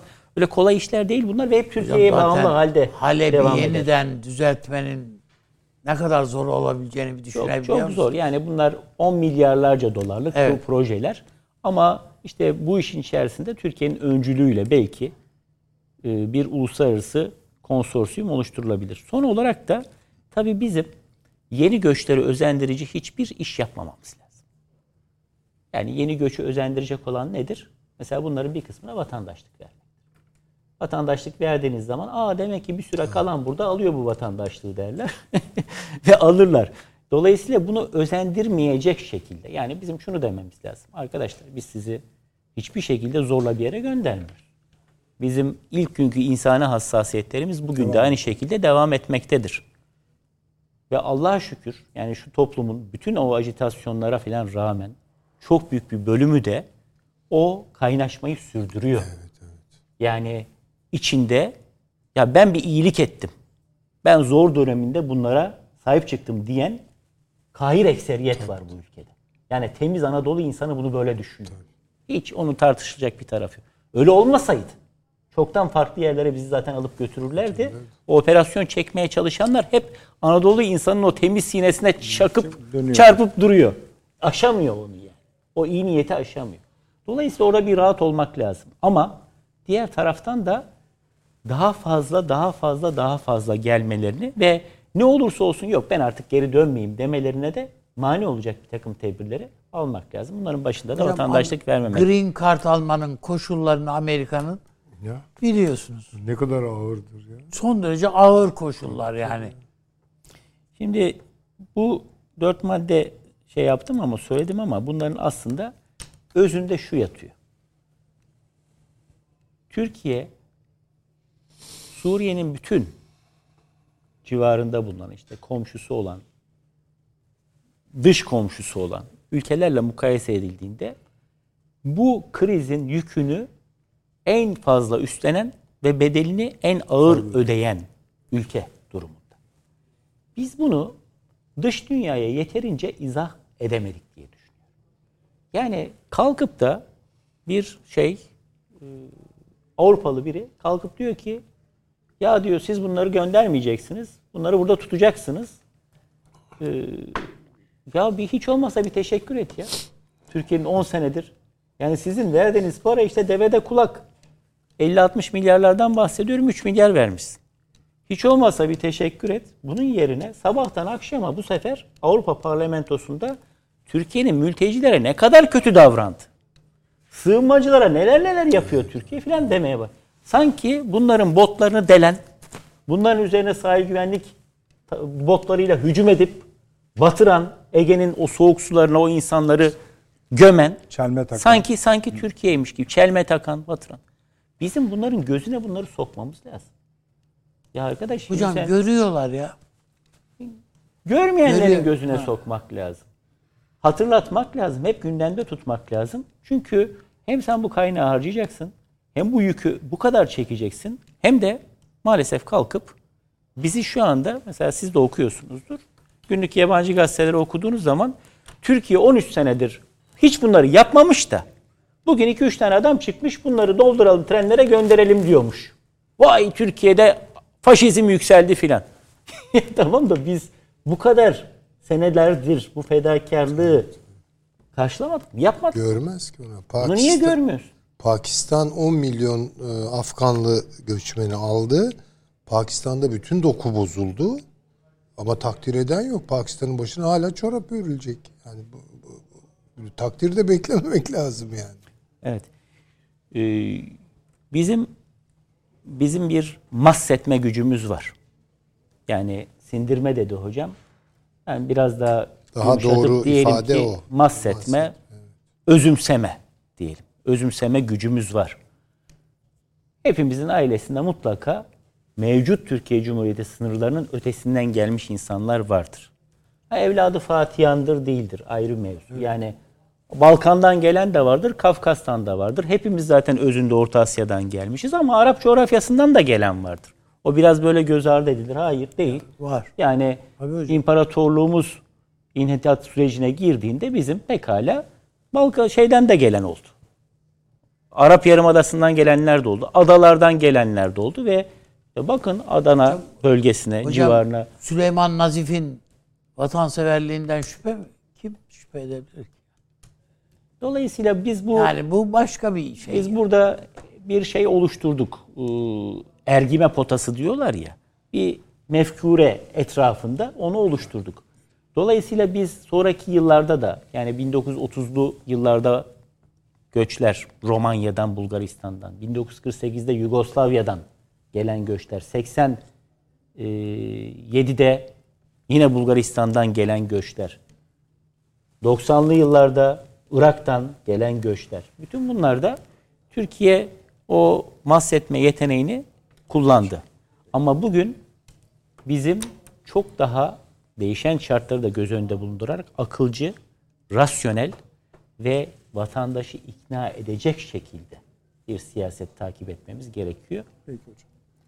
Ee, Suriyelilerin de Türkiye'nin burada kendileri için yaptıklarını artık kendilerinin hikayeleştirerek anlatmaları gerektiğini de düşünüyorum. Anlıyorum ben sizi. Ben bir, bir ekleme Çok yapabilir abi. miyim? Kı- Kısa zaten. Şimdi biz gazeteciyiz. Bir medya kuruluşundayız şu anda. Türkiye'de de bunca medya kuruluşu var. Ekranlara hep bizler çıkıyoruz, konuşuyoruz. Olumlu, olumsuz bir bir şeyler konuşuyoruz. Hiç Suriyelileri gördünüz mü ekranlarda? İşte onu Biz dedim kimiz? ya. Yani onların anlatması gerekiyor. Yani biz kimiz? Ne yapıyoruz? Niye geldik? Gidin diyorsunuz. Biz ne yapabiliriz? Nasıl yapabiliriz? Bunu konuşturamay. Ya biz hiç yani bizim medyada da bu yok. Yani bu böyle bir sorumluluk duygusu yok yani. Biz acaba ne katkı verebiliriz devletin bu politikasının şekillenmesine, yeniden şekillenmesine. Çünkü şeyler çuvallanmış yani. Belli filan. Yani bütün bunları yeniden yüreklendirmek lazım. Teşvik etmek lazım. Ya belli ki devlet söylediği vakit yapıyorlar. Medya da böyle çünkü. yani Ankara şöyle yapın dediği vakit yapıyorlardı. Peki. Bu bölüm için teşekkür ediyorum sizlere. Hatta yani izleyicilerimiz fırsatları, zamanları olursa seyretmeyen dostlarına da bu bölümü şu anda başka kanallarda da var. Dün vardı, evvelsi gün vardı, evvelsi gün vardı, evvelsi gün vardı. Biraz daha bu bölümü tekrardan da izleyebilirler. Söylenen cümlelerin arkasına bakmak isteyebilirler. Tavsiye ederim efendim. Şimdi e, diğer konularımıza geçeceğiz. Çok kısa bir aramız var. Hemen geliyoruz. Devam ediyoruz efendim akıl odasına. Bu sefer başlığımız Başar Esad'ın İran ziyareti. Şöyle efendim büyüdü mesele. Ha dediğim gibi dikkat çekmek için, dikkat çekiciliğini söylemek için bu kadar yani savaşın başlamasından, iç problemlerin başlamasından bu yana 11 yılda ikinci ziyaret ancak. Öbürü de yanlış hatırlamıyorsam e, Süleyman, Kasım Süleyman'ın öldürülmesiyle mi ilgiliydi yoksa ondan mı önceydi? Öyle bir şeydi. Bu iki etti. Efendim mesele şu. Rusya'nın Suriye'deki bir kesim askerini Ukrayna'yı tahkim etmek için çekmeye başladığı ve burada bırakılan üstlere İran'a e, devrim muhafızları ile e, Hizbullah mensuplarının yerleştirildiğine ilişkin bir artık söylentimi diyeyim, iddiamı diyeyim ama yoğun olarak bölgede konuşulduğu çıkış noktası İsrail, haberin çıkış noktası İsrail. Tabii hani kulak argısı edilemez ama başlarken şüphe ederek de başlamak gerekiyor. Ama şunlar doğru. Evet bir kısım asker oradan gitti ama bu Rusya'nın Suriye'yi bırakacağı gibi akıl dışı bir yere asla varamayacak bir durum. Gel gelelim. Bu boşluğun İran tarafından e, doldurulması konusunda Suriye'nin yani Şam yönetiminin Esad'ın bir talebi olup olmadığını ilişkin baktığımızda da resmi görüşmeden çıkanlar bu intibağı veriyor. Ee, Cumhurbaşkanı ile görüştü Esad. Dini liderle görüştü. Uğurlarken de Dışişleri İran Dışişleri Bakanı Abdullah Yan'da o demin bahsettiğim Türk e, Suriye ile İran arasında yeni bir stratejik sayfa açılmıştır ifadesiyle de son buldu. Birkaç saatlik zaten bir. Yani geldiği gibi hızla döndü. Onun nedenlerini anlayabiliyoruz. Ancak bu konu İsrail'le bağlı, Türkiye'nin Irak operasyonuyla bağlı, terör örgütü PKK ile bağlı, ABD'nin Suriye'deki varlığıyla, Ukrayna ile, Arap ülkeleri, Arap ülkeleri derken Suudi Arabistan, Birleşik Arap Emirlikleri bunların her biriyle bağlantılı. Hatta hatta e, ben de dün biraz, yarın biraz yazdım. Bir hastaneye ihtiyaç duyabilecek sonuçlar üretebilir. Bakın Azerbaycan İran konusuna bile bağlantılı bir konu bu. Bir hani e, paradigmada bir kayma diye yüksek stratejik bir tarif yapmak istemiyorum ama açılımları bunun böyle gelir. Türkiye'nin burada Irak'taki askeri harekatının bile bir boyutunun bunu böyle önceden tetkik etmek olduğunu da söyleyebiliriz. Bağımsız değil. Çünkü bir de şöyle bir laf var biliyorsunuz. Ee, Ukrayna acaba Türkiye'ye Suriye'deki yeni avantajlar için hem Rusya özelinde hem Amerika Birleşik Devletleri özelinde fırsatlar yaratabilir mi konuşmaları da yapılıyor. Böyle başlayalım bu sefer Süleyman hocamızdan uygun görürse. Şimdi İran konusunda ben sizin kaygılarınızı biliyorum ama bu başka da bir durum. Tabii, tabii. Ee, belki o kaygıları yükseltecek, belki de bilmiyorum siz nasıl okuyacaksınız. Şimdi e, ben doğrusu Türkiye ile Suriye arasındaki ilişkilerin ne düzeyde e, bırakıldığı konusunda çok fazla e, rahat konuşamıyorum. Yani şu an nerede duruyor anlamında mı söylüyorsun? Yani ha, evet tamam. yani bir takım bilgiler dolaşıyor ortada. Mesela deniliyor ki yani. işte istihbarat örgütleri arasındaki görüşme devam ediyor. Yani o bağ devam ediyor. Bu tek başına e, çok sağlam görebileceğimiz bir bağ mıdır? Üzerine bir şey söyleyebileceğimiz bir bağ mıdır? Değil. Bunun bir kere bir siyasi e, muhtevasının olması gerekir. Siyaseten içinin dolması gerekir. Yani istihbarat, siyaset ilişki demektir zaten. Yani diplomasi neyin üzerine kuruluyor ki yani değil mi? Bir tarafıyla istihbarattır. En karşılıklı. siyasetin bilgisi ha. dışında o istihbarat ilişkisi Tabii, kurulamaz. Yani ikisi bir arada gider yani. yani. Entelijan servisler vardır. Sonra işte siyasetin aktörleri girer vesaire filan. Ee, Beşar Esad'ın Türkiye hakkındaki rezervlerinden de çok emin değilim. Yani mesela demin konuştuk bu e, Suriyeliler üzerine, Türkiye'deki Suriyeliler üzerine. Yani işte Beşar Esad af ilan etti. Ee, yani kapısını açmaya hazır yani geleceklerse tamam gelsinler. O kanaatte değil. Güvenilmez diyorsunuz. Güvenilmez. Bir kere rasyonel olarak düşündüğümüz zaman Beşar Esad bunlardan kurtulmuş olduğunu ayrıca da mutludur. Ya yani bunları istemez. Yani niye alsın ki? Yani bunlardan muhalefet türüyor. Ya da kaçanlar bir şekilde muhalefetle kendisine karşı olan hareketlerle iltisaklı adamlar. Şu derecede veya bu derecede.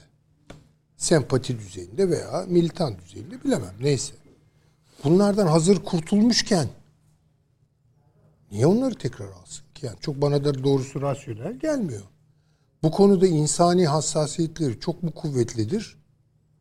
Beşar Esad'ın hiç zannetmiyorum. Boğaz aklıdır bu yani. Dinlemez ki yani. Şimdi onun için e, ben de doğrusu Suriye'de Türkiye'nin yepyeni bir adım atma gerekliliğini uzunca bir süredir yaşadığını e, hatta hissettiğini hatta biraz biraz üzerine düşündüğünü görebiliyorum. Ama bunun doğrudan kapısı asla Esad değildir. Bazılarının Türkiye'de söylediği gibi çalalım Esad'ın kapısını. Esad'la bir konuşalım, Esad'la barışalım falan. Böyle bir şey olmaz. Böyle bir şey olmaz. Orada Esad'a rağmen var olan ve Esad'ı ayakta tutan iki güç var. Bir de, biri bunun Rusya, öbürü de İran. İran'a çok daha kendisini yakın hisseder çünkü biliyorsunuz dinen ve mezheben daha yakındır İran'a. Ha İranlı milisler paramiliter örgütler zaman zaman Esad'ın da başını ağrıtıyor olabilir. Yani. Ama şöyle bir şey düşünür mü Esad? Ya bu İran çıksın da devreden de Türkiye ile ben anlaşayım. Bunu beklemek bence biraz saflıktır. Dolayısıyla Türkiye Suriye ilişkileri, Türkiye Cumhuriyeti Devleti, Suriye Cumhuriyeti Devleti arasındaki ilişkilerin Esad üzerinden bypass edilmesi lazım. Burada Türkiye'nin konuşabileceği, görüşebileceği tek merci Rusya'dır. Çünkü Rusya'nın da İran varlığından rahatsızlığı var.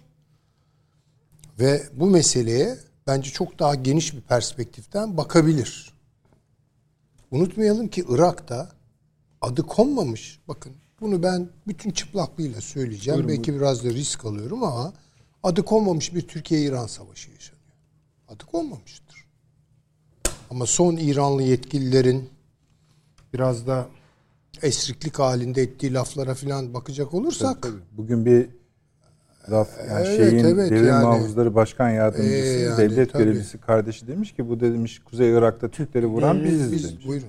Şimdi bunlar artacak. Bizim İran'la orada bir de ayrıca savaşmamızı isteyenler var. Bu Suriye'ye doğru gidiyor. Benim anlayabildiğim bu. Yani bu ziyaret şu. Esad şunu söyledi Türkiye'ye doğrudan veya dolaylı nasıl alıyorsanız üstünüze. Ben senin işbirliği yapmayacağım. Ben İran'la işbirliği yapacağım. Şimdi Rusya da gelecek yarın değil mi? Görüşecekler. Ha. Ona bakmak lazım. Rusya orada ne diyor? Bu aradaki boşluğu Türk diplomasisi daha evvel doldurabildi mi? Yani konuştular mı bu meseleyi Ruslarla? Veya işte ne kadar mümkün olabiliyorsa İranlılarla. Yani Türkiye'nin burada bana kalırsa doğrudan doğruya Rusya ile birlikte. Şimdi bunu bir de neye dayandırıyorum? Türkiye-İran geriliminin diri kalmasını kim ister? Hatta mümkünse Allah uzak etsin tabii ki. Bir savaşa dönüşmesini kim ister? En başta İsrail ister. Gayet. Ve İsrail ile şu an Rusya değil değil. Baya baya yani o laflar yutuldu mu yani? Lavrov'un ettiği laflar ki hiç yakışmadı yani. Özel bir kana- kasıtla söylemediyse tabii. Bunu İsrail yutar mı? Olacak iş değildir o. Yani bu bir şey artık yani. Tarafını da yavaş yavaş İsrail belli ediyor. Dolayısıyla şunu ister İsrail. Suriye'de de Irak'ta da Türkiye ve İran gerilim hattı döşensin. Yesinler birbirlerini ırlarla turlar. Öyle bakar onlar. Şimdi bu oyunu bozmak zorun- zorundayız. Bu oyunu tek başına İran'la bozamayız. İran dinlemez çünkü. Ama bunu Rusya ile beraber çözebiliriz. Ki şartlar müsait. Elbette. Tabii. İkincisi İran'la PKK bağı ihmal edilemeyecek bir bağ. Çünkü o lojistik kanal PKK'nın etkinlik sahasından geçiyor. Ve buna Amerika da göz yumuyor bir de üstelik yani. Öyle değil mi? Amerika bayağı göz, göz yummasa bunlar o lojistiği nasıl yapacaklar orada? Yapamazlar ama göz yumuyor. Bu da biraz İsrail çileden çıkarıyor tabii. İkisinin ortak yatırımı PKK, PYD. Yani dolayısıyla şimdi İran'la orada da bence yani Türkiye'nin tek başına ol- yol alabileceği kanaatinde değilim. Sizin teklifiniz yeni bir Soçi dense daha pratik davranmak ve Rusya ile konuşmaktır bu işleri. Belki İran'ın da hani söz dinlemeyeceği İran'a- konusunda haklısınız da erken İran'la- biraz ikaz etmek. İran'ı tabii başka türlü ikaz. Yani çünkü İran- hani Irak'taki askeri varlığımız onun bir uzan yani son biraz onunla ilgili bir yani E, tabii ki öyle tabii ya, ya, bunlar terörle mücadele tabii tamam yani. tabii. Yani Türkiye Yani anlıyor yani işin nereye gittiğini. petrol şebekesi meselesi var Tabii, yani. hepsi. İş oralara gidiyor. Yani dolayısıyla şimdi burada çıkmazları iyi görelim. Yani Suriye ve İran bağı ki bu son ziyaretle netleşti ve o laf boşuna söyle yeni bir dönem stratejik yani eskisinden daha iştahlı bir şekilde biz Daha bunu yapacağız diyor tamam. İran. Tamam mı? Şimdi şu- bunu İsrail tek başına kabul etmez tabii. İran'ın ta buralara kadar yani değil mi yani?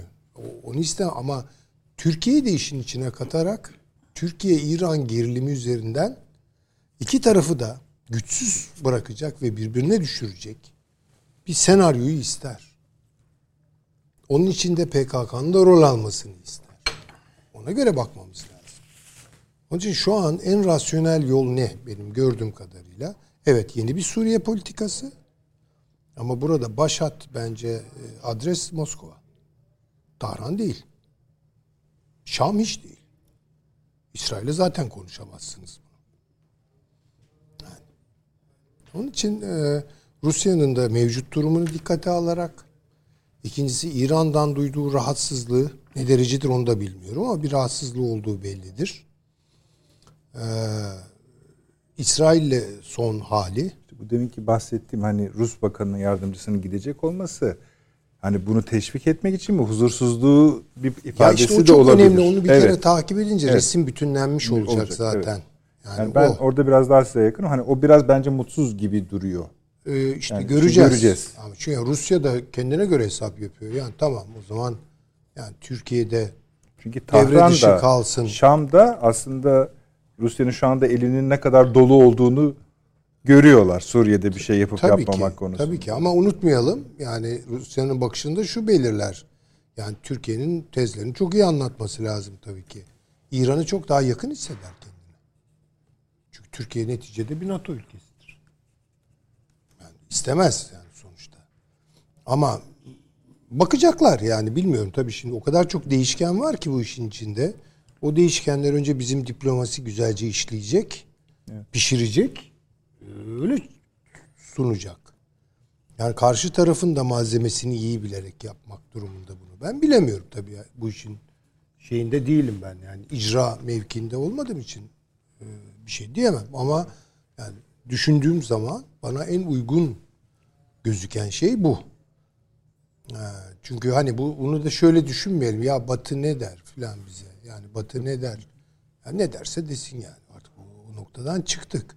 Ama şu muhakkak İran'ın orada gücünü arttırması tek başına Suudilerin de istemediği bir şeydir. Birleşik Arap Emirlikleri'nin de istemediği bir şeydir. Ama unutmayalım bir Türkiye-İran gerilimine oturursa bu iş onlar için tadından yenmeyecek bir şey. İsrail için de öyle tabii. Evet tabii.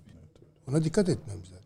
Yani hem İran'la o noktaya gelmemek hem Rusya'yı ikna etmek e, e, ve onun üzerinden böyle ince bir yol çıkarabilmek bilmiyorum bunu. Bu ilginç bir durumu yaratacak. Öyle Ben gözüküyor. öyle görüyorum. Evet. Bakalım zaten hani şeyden anlarız. Yani önümüzdeki 1-2 ay içinde bir Astana var mı, Soçi var mı?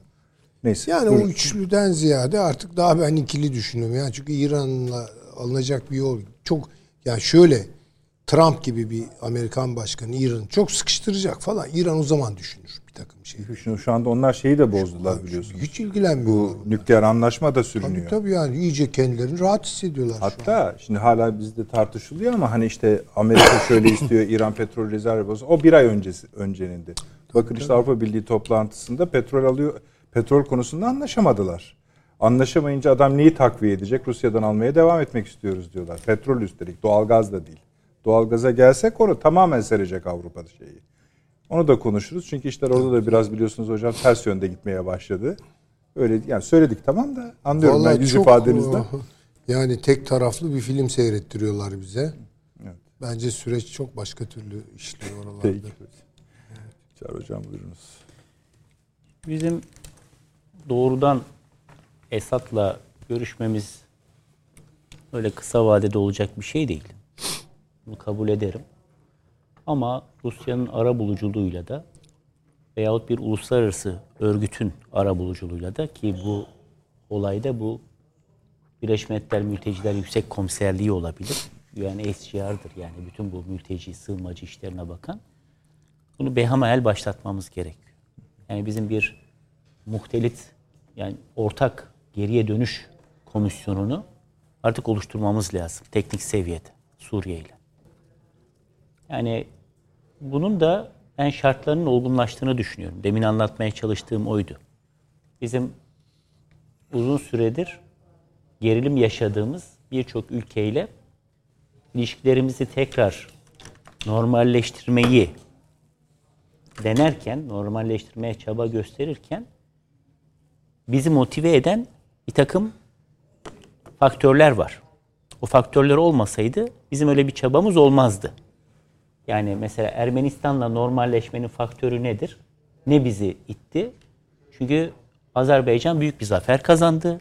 Kendi topraklarını kurtardı. Ama Ermenilerin ikna edilmesi lazım barış anlaşmasına. E Türkiye tamam gel normalleşelim kardeşim otur Azerbaycan'la masaya barışa imza atarsan ben de sınırımı açabilirim. Büyükelçi bile tayin edebilirim. Böyle bir motivasyonla ve Azerbaycan'la koordinasyon halinde yürüdü bu. Aynı şekilde mesela İsrail'le bizi motive eden neydi?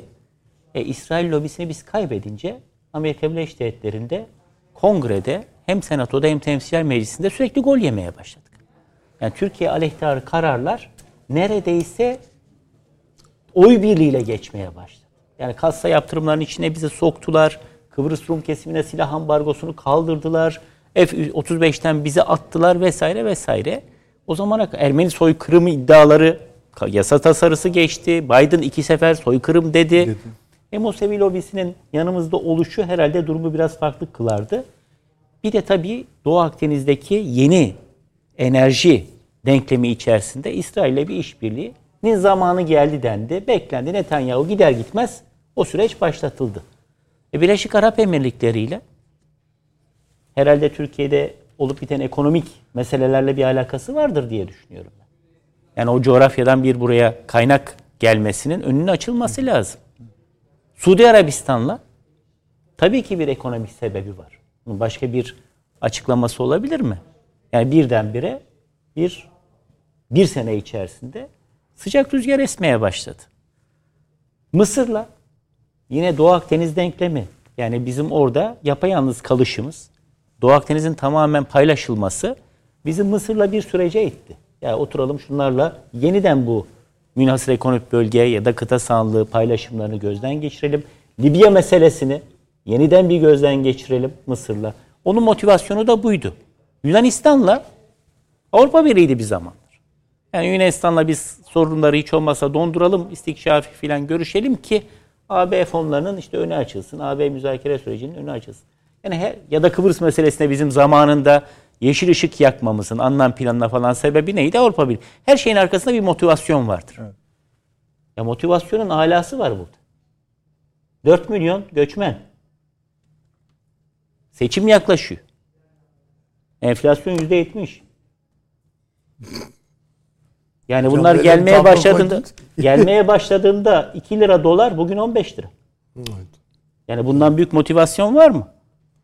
Yani Esad'la onun görevlendirdiği biriyle, teknik komiteyle, şununla bununla bir şekilde görüşülerek bundan sonraki dönemin yol haritasının hazırlanması lazım. Ama ben %100 katılıyorum. Bunu Tahran üzerinden değil de Moskova üzerinden yapmanın çok daha mümkün olabileceğini. Çünkü burada Ruslarla da ortak hassasiyetlerimizin özellikle PKK, PYD ya ABD desteği üzerinden ortak hassasiyetlerimiz olduğunu düşünüyorum. Ve böyle bir hava oluşursa şimdi siz biraz da muhatabınızın gözünden bakmanız lazım. Şam'da Esad oturuyor. Ne düşünür bu? Tamam bu kadar adam da gitti. Geriye de yıkık bir ülke kaldı. O yıkık ülkeyi sen geri kalan nüfusla nasıl kalkındıracaksın? Mümkün değil. Zaten o boşaltılan alanlarda da ABD bir devlet kurdurmaya çalışıyor. Senden bir parça koparmaya çalışıyor. Üstelik orası senin en zengin petrol yataklarının olduğu bir parça. Ne düşünürsün? Ya herhalde vereyim tamam. Ülkenin de üçte biri gitsin. Petrol bölgesi de gitsin. Kalan sahalar bizimdir. Biz de burada Laskiye, Tartus, Şam hattında bir devlet kuralım, idare edelim. Niye düşünürsün? Yoksa ya şartları kendi lehime çevirmeye çalışayım. En azından bu petrol bölgesi elimden gitmesin. E nasıl yapacağız bunu? Ya bunlar nüfusun %10'uydu. Bu kadar bölgeyi idare etmemeleri lazım. Tekrar bunları orijinal bölgelerine göndermeliyim. Tek başına bunu yapabilir misin? Yapamazsın. Burada seninle aynı perspektife sahip olan bir Türkiye var. Yani oradan bakan insan da Türkiye'yi kendisini artık bu noktadan sonra bir rakip değil ama belki en azından kerhen kerhen aynı görüşü paylaşan ülke olarak görebilir. Şimdi az önce dediniz ya Esat acaba böyle düşünüyor mu? Sorduk mu? Sormak lazım. Yani arkadaş sen ne düşünüyorsun artık? Yani 10 senedir biz bunları yaşadık da. Sen ne düşünüyorsun? Mesela bu kadar adam var işte 4 milyon. Bunları gönderince asacak mısın bunları? İdam mı edeceksin? Süründürecek misin? Hapishanelere mi dolduracaksın? Bu insanları ne yapacaksın? Bunlar da senin vatandaşın ya. Vatandaşın yani. Bir kısmı işte burada doğmuş. Bir kısmı burada ölmüş. Yani insani dramlar bunlar ya. Gurbet elinde vefat etmiş. Onun ailesi istemez mi onu alsın işte köyüne gömsün. Hama'daki köyüne gömsün. Humus'taki köyüne gömsün. İstemez mi ya? Herhalde ister. Yani siz istemez miydiniz akrabalarınız bir yerlerde vefat etseydi getireyim onu köyüme gömeyim falan. Vasiyet etmemiş midir? Ya belki de vasiyet etti. Beni götür. Köyüme göm evladım. E şimdi bu insanların bu dramların falan artık sona erme zamanı geldi. Ve bunun içinde yeterince ben motivasyon olduğunu düşünüyorum. Şartların da değiştiğini düşünüyorum. Bu bölgedeki şartlar da çok değişti. Yani mevcut yapı içerisinde bizim en fazla e, algıladığımız tehdit olan bir terör koridoru kurma tehdidi bizim müdahalelerimiz sayesinde. Yani Kahraman Mehmetçiğin hem de 15 Temmuz hain darbe girişiminden hemen sonra gerçekleştirdiği Fırat Kalkanı Harekatı, Zeytin Dalı Harekatı, Barış Pınarı Harekatı. Bunlar sayesinde büyük ölçüde kırıldı bunun beli. Ama başka ülkelerin ajandalarından çıkmadı tamam. Yani biz daha iki hafta evvel burada konuşmadık mı? CENTO diye bir birim var Amerika Birleşik Devletleri'nde Pentagon'un içerisinde. Adamların işi zaten bunu kurdurmak. Neredeyse bağımsız CENTCOM. hareket ediyor. CENTCOM. Neredeyse bağımsız hareket ediyor Pentagon'dan. Yani bir bakıyorsunuz Trump döneminde Amerikan başkanı başka konuşuyor. Buranın komutanı başka konuşuyor. Başkana rağmen gidiyor oradaki terörist başıyla fotoğraf veriyor. Poz veriyor. Neredeyse adamı çağırıp senatoda madalya verdirteceklerdi ya. Teröristten bahsediyoruz. Şimdi dolayısıyla şartlar değişti gerçekten. Ortada bir de böyle bir realite var. Ama bu az önce söylediğim şeye başa döneyim, orada keseyim. Yani bu şu demek değil. Hadi bakalım hemen elçilikleri açalım. Hemen el sıkışalım. Heyetler gelsin gitsin.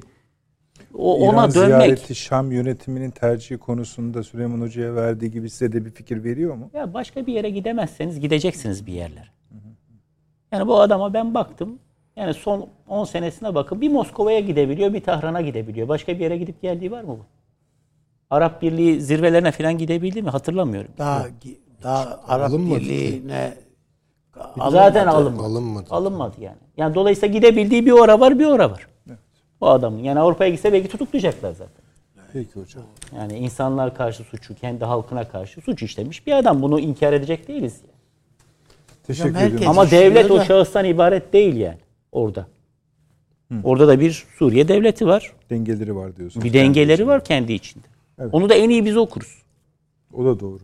O da doğru. Avni abi İran Cumhurbaşkanı Esad'a diyor ki Suriye topraklarının tamamı yabancı işgalcilerden kurtarılmalıdır. Evet. Yani Türkiye'den. E başkaları da var abi. Neyse canım Tamam. onlar onların da kastettiği Türkiye. Bu zamana bırakılmamalı, işgalci güçler sınır dışı edilmelidir. İran e, dini lideri de diyor ki İran'ın terörizme karşı zaferini tamamlaması, buradan neyi tarif ettiğini anlamadık. Ve ülkenin geri kalan topraklarını özgürleştirmesi için Suriye'yi desteklemeye devam edeceğiz diyor. Biraz başlangıçta da biliyorsun Dışişleri Bakanı'nın söylediğini stratejik sayfa meselesini e, söylemiştim zaten. Buyurunuz. Ee, tabii ben gerek Çağrı Hoca'nın gerek e, Süleyman Hoca'nın e, değerlendirmelerine e, itiraz edecek bir şey bulamıyorum. Doğru. Bunların hepsi, tespitlerin hepsi doğru. Ancak şöyle bir şey var. Birincisi Rusya'nın kafasında ne var? Ondan emin değilim ben. Yani Rusya pekala İran'la bu işi şekillendirelim Mi mi diyor. yoklamasını da Diyebilir. yapmak Diyebilir. istiyor olabilir.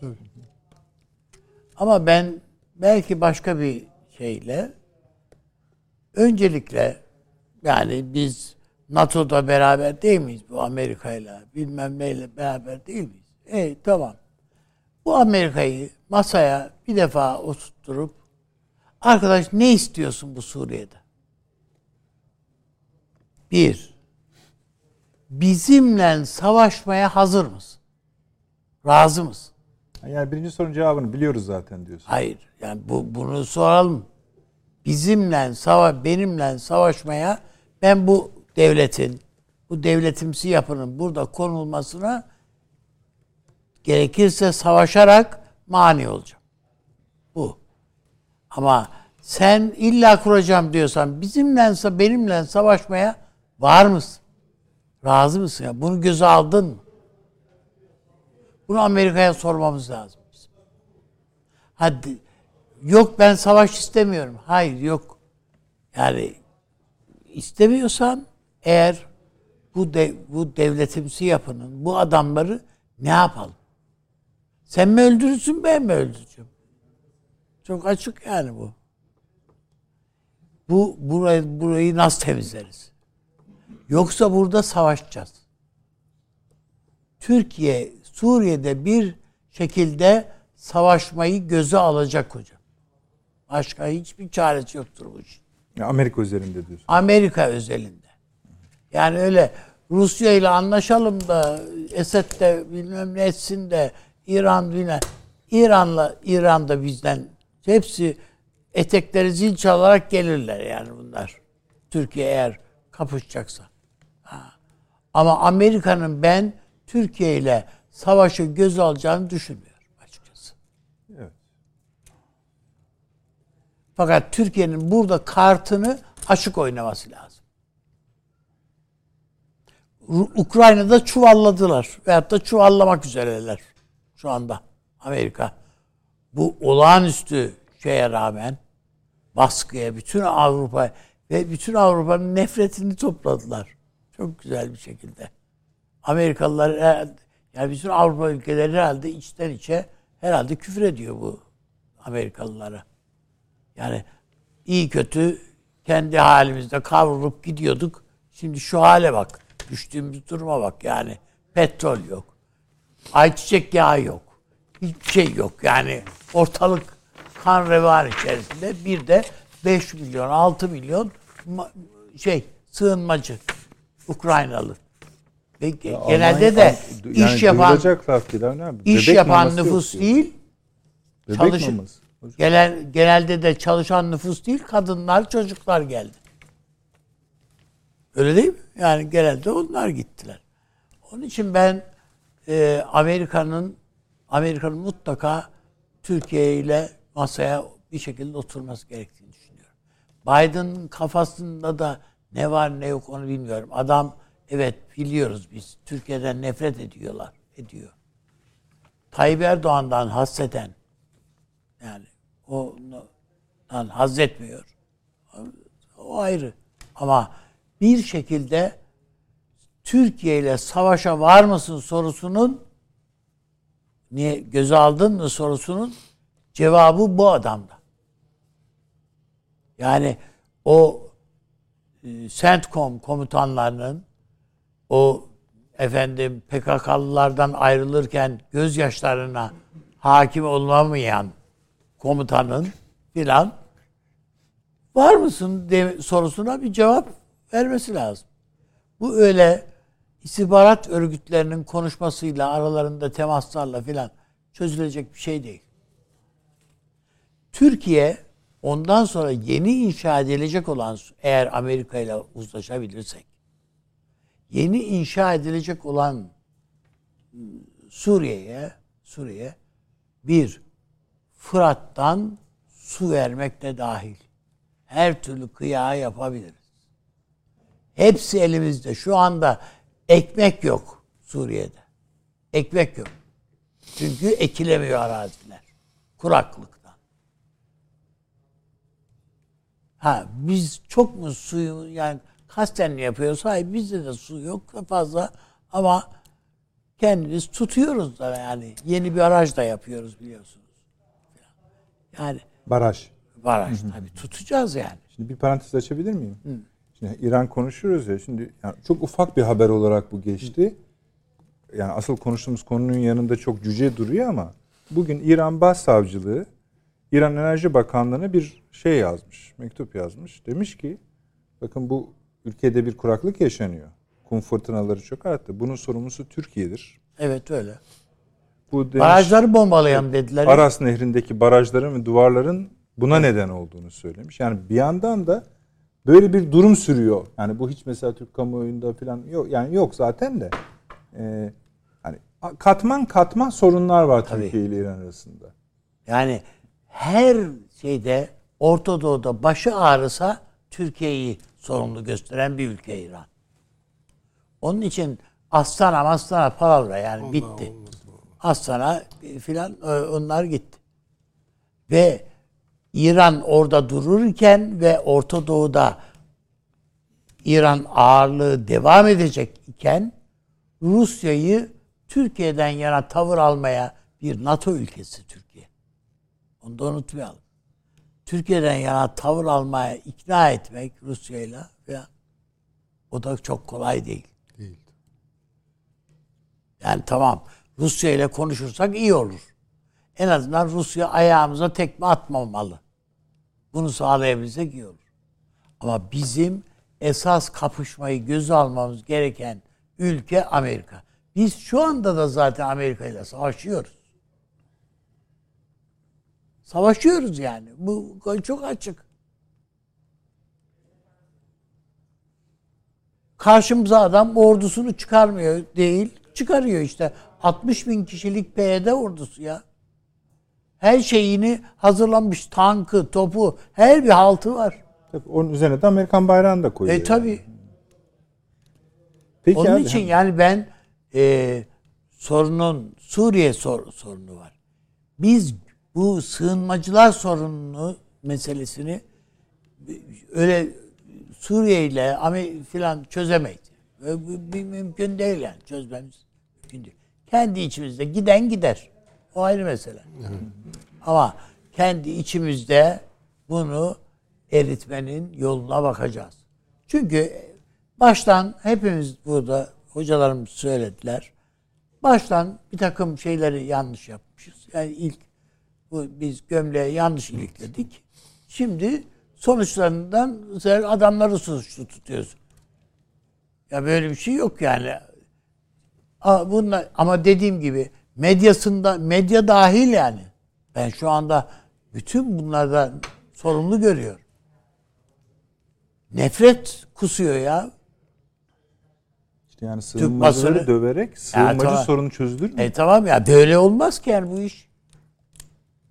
Ondan sonra Avrupa basın, Avrupa medyasını falan suçluyoruz. Mesela niye Türklere karşı bilmem ne falan.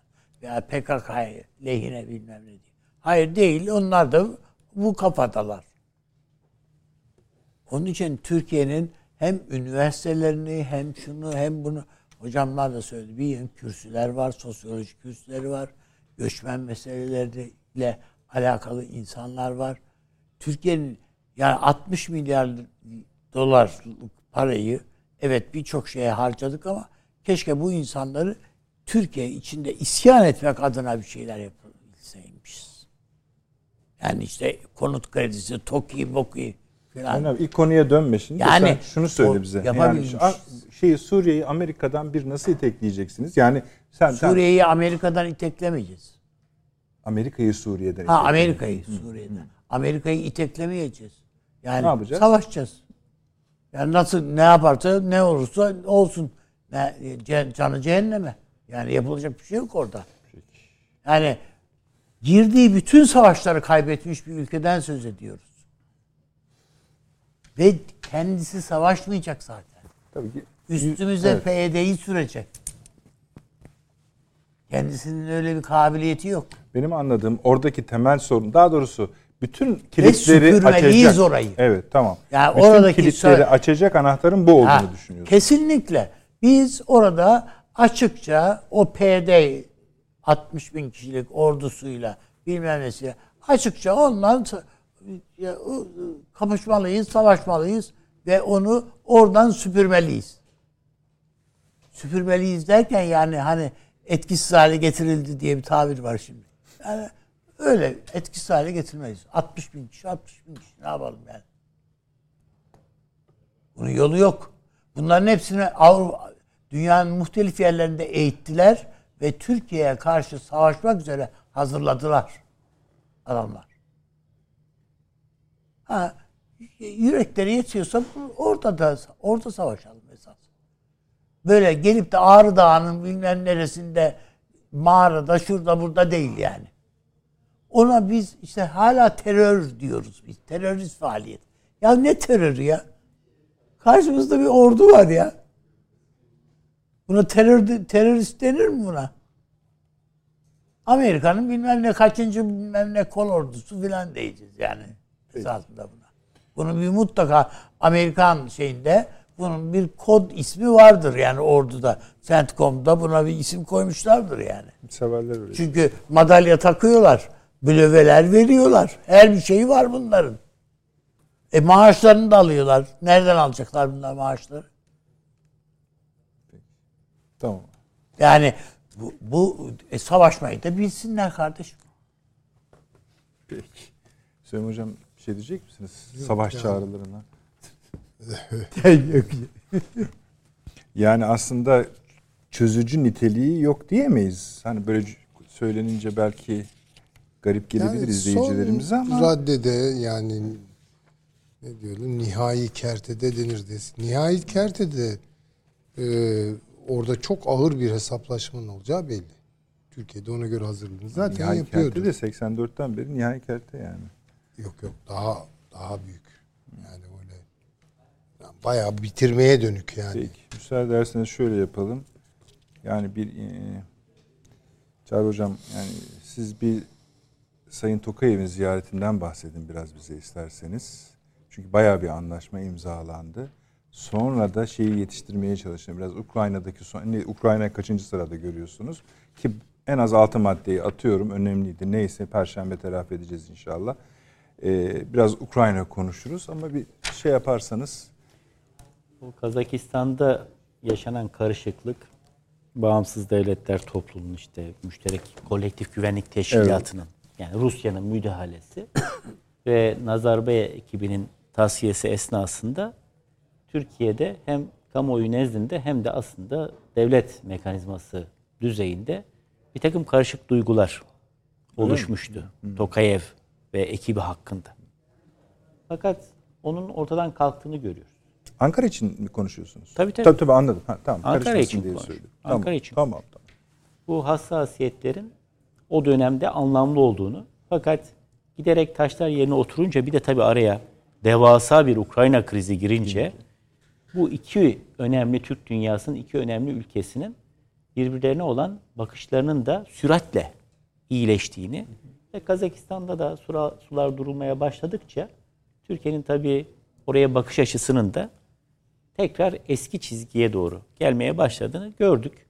Bu ziyarette bunun bir neticesi. Hatırlayacaksınız Türk Devleti Teşkilatı'na dönüşürken çok önem verdik biz buna.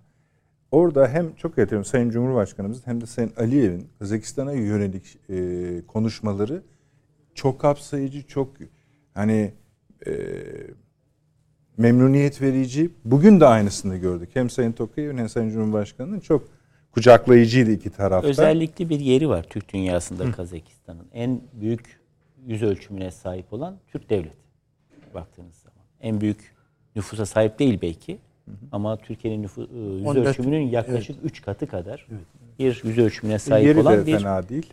e, konum itibariyle son derece önemli. Çok sayıda hemen hemen bütün Türk devletlerinin Evet. e, komşusu olan Azerbaycan'dan belki Hazar'dan komşu olan falan bir ülkeden söz ediyoruz. Ve eğer bir Türk e, devletleri teşkilatı olacaksa e, Kazakistan olmadan olmaz. Zaten biliyorsunuz bu teşkilatlanmanın aslında fikri arka planında e, Kazakistan'ın Sovyet sonrası dönemdeki lideri uzun yıllar işte onun devlet başkanlığını yapmış Nursultan Nazarbayev'i şu an ekibiyle beraber tasfiye edilmiş olsa da aksakallılar arasında hep yer alacak olan e, o kişinin attığı adımlar var. Yani onun aslında fikri babalığının yaptığı bir teşkilatlanma bu. E, önemli bir Türkçüdür bu perspektiften baktığınızda. Dolayısıyla burada Kazakistan'ı göz ardı ederek bir ilerleme söz konusu olamaz. Ama onun dışında ikili ilişkilerinde de Türkiye ile Kazakistan arasında ticaret anlamında Yani enerji işbirliğinden tutun da mal alışverişine kadar. Savunmalarını da Savunma sanayi özellikle son dönemde önemli bir e, husus. E, uzay işbirliğine kadar, uzay teknolojilerinde işbirliğine kadar. Orada Baykonur üssü var biliyorsunuz Kazakistan'da. Rusların kontrolünde ama tabi oralarda görev almış çok Kazak mühendis var. Bu projelerde yer almış ve bizim de bir uzay projemiz var. Bir Tabii. e, uzay ajansımız da var. Dolayısıyla hem teknoloji, hem enerji, hem nakliye, işte Çin'den buraya uzanan o yol kuşak e, şeyi içerisinde Kazakistan'ın önemli bir yer işgal ettiğini biliyoruz. Ve halklar arasındaki tabii kültürel ilişkiler. Bugün imzalanan bu anlaşmalar da aslında bunu gösteriyor. Yani bizim Kazakistan'daki e, siyasi değişikliklere, Kazakistan halkının tercihlerine saygımız sonsuzdur. Netice itibariyle kendi kararlarını kendileri verecek olgunlukta bir devlet burası. Ee, ve Rusların müdahalesinde sınırlı olduğunu ümit ediyoruz. Devamının da gelmeyeceğini ümit ediyoruz. Yani ilişkimizin formu da değiştirildi biliyorsunuz stratejik. E, ama o öyle olması lazım. lazım. Tabii canım hiç şüphe yok. Yani, Yani bugüne kadar onun konulmamış olması belki bir eksiklikti. tamam, Yani elbette bir Azerbaycan-Türkiye ilişkileri seviyesine gelmesi şu an için mümkün değil. Kazakistan'la olan ilişkilerimizin ama hedefin öyle olduğunu görüyoruz. Evet. Bakın biz burada daha evvel de tartıştık. Yani Türk Dünyası Teşkilatı'nın kurulması çok önemli bir gelişme. Yani biz yıllarca aslında hep böyle kültürel dil birliği yok işte ortak klavye olsun, ortak alfabe olsun, şu olsun, bu olsun hep etrafında dolandık. İlk defa adı konuldu. Ya çok bu kadar biz e, Türk halklarıyız. Gelin bir en azından asgari müştereklerde siyasi fikirlerimizi irad edebileceğimiz, belki bir askeri teşkilatlanma falan uzak şeyler bunlar ama bir platformumuz olsun. Ve Karabağ Savaşı bunun önemli arka planında Tabii. itici gücü oldu. Burada iletişim başkanlığımızın organizasyonuyla Ağustos ayıydı herhalde geçen yılın bir Türk Dünyası medya buluşması yapıldı. Oradaki bütün Türk dünyasından yani Kazakistan, Türkmenistan, Özbekistan, Azerbaycan, Kırgızistan, Türk Kuzey Kıbrıs Türk Cumhuriyeti gazeteciler, televizyoncular gelip konuştular. Kazakistan'dan gelen bir konuşmacı dedi ki ya dedi biz dedi. Mesela Stalin'den başlayarak tabii bütün Sovyet döneminde hep Türk filan addetmiyorduk biz kendimizi. Biz Kazağız. Kazakça konuşuyoruz. Kazak milletiyiz filan.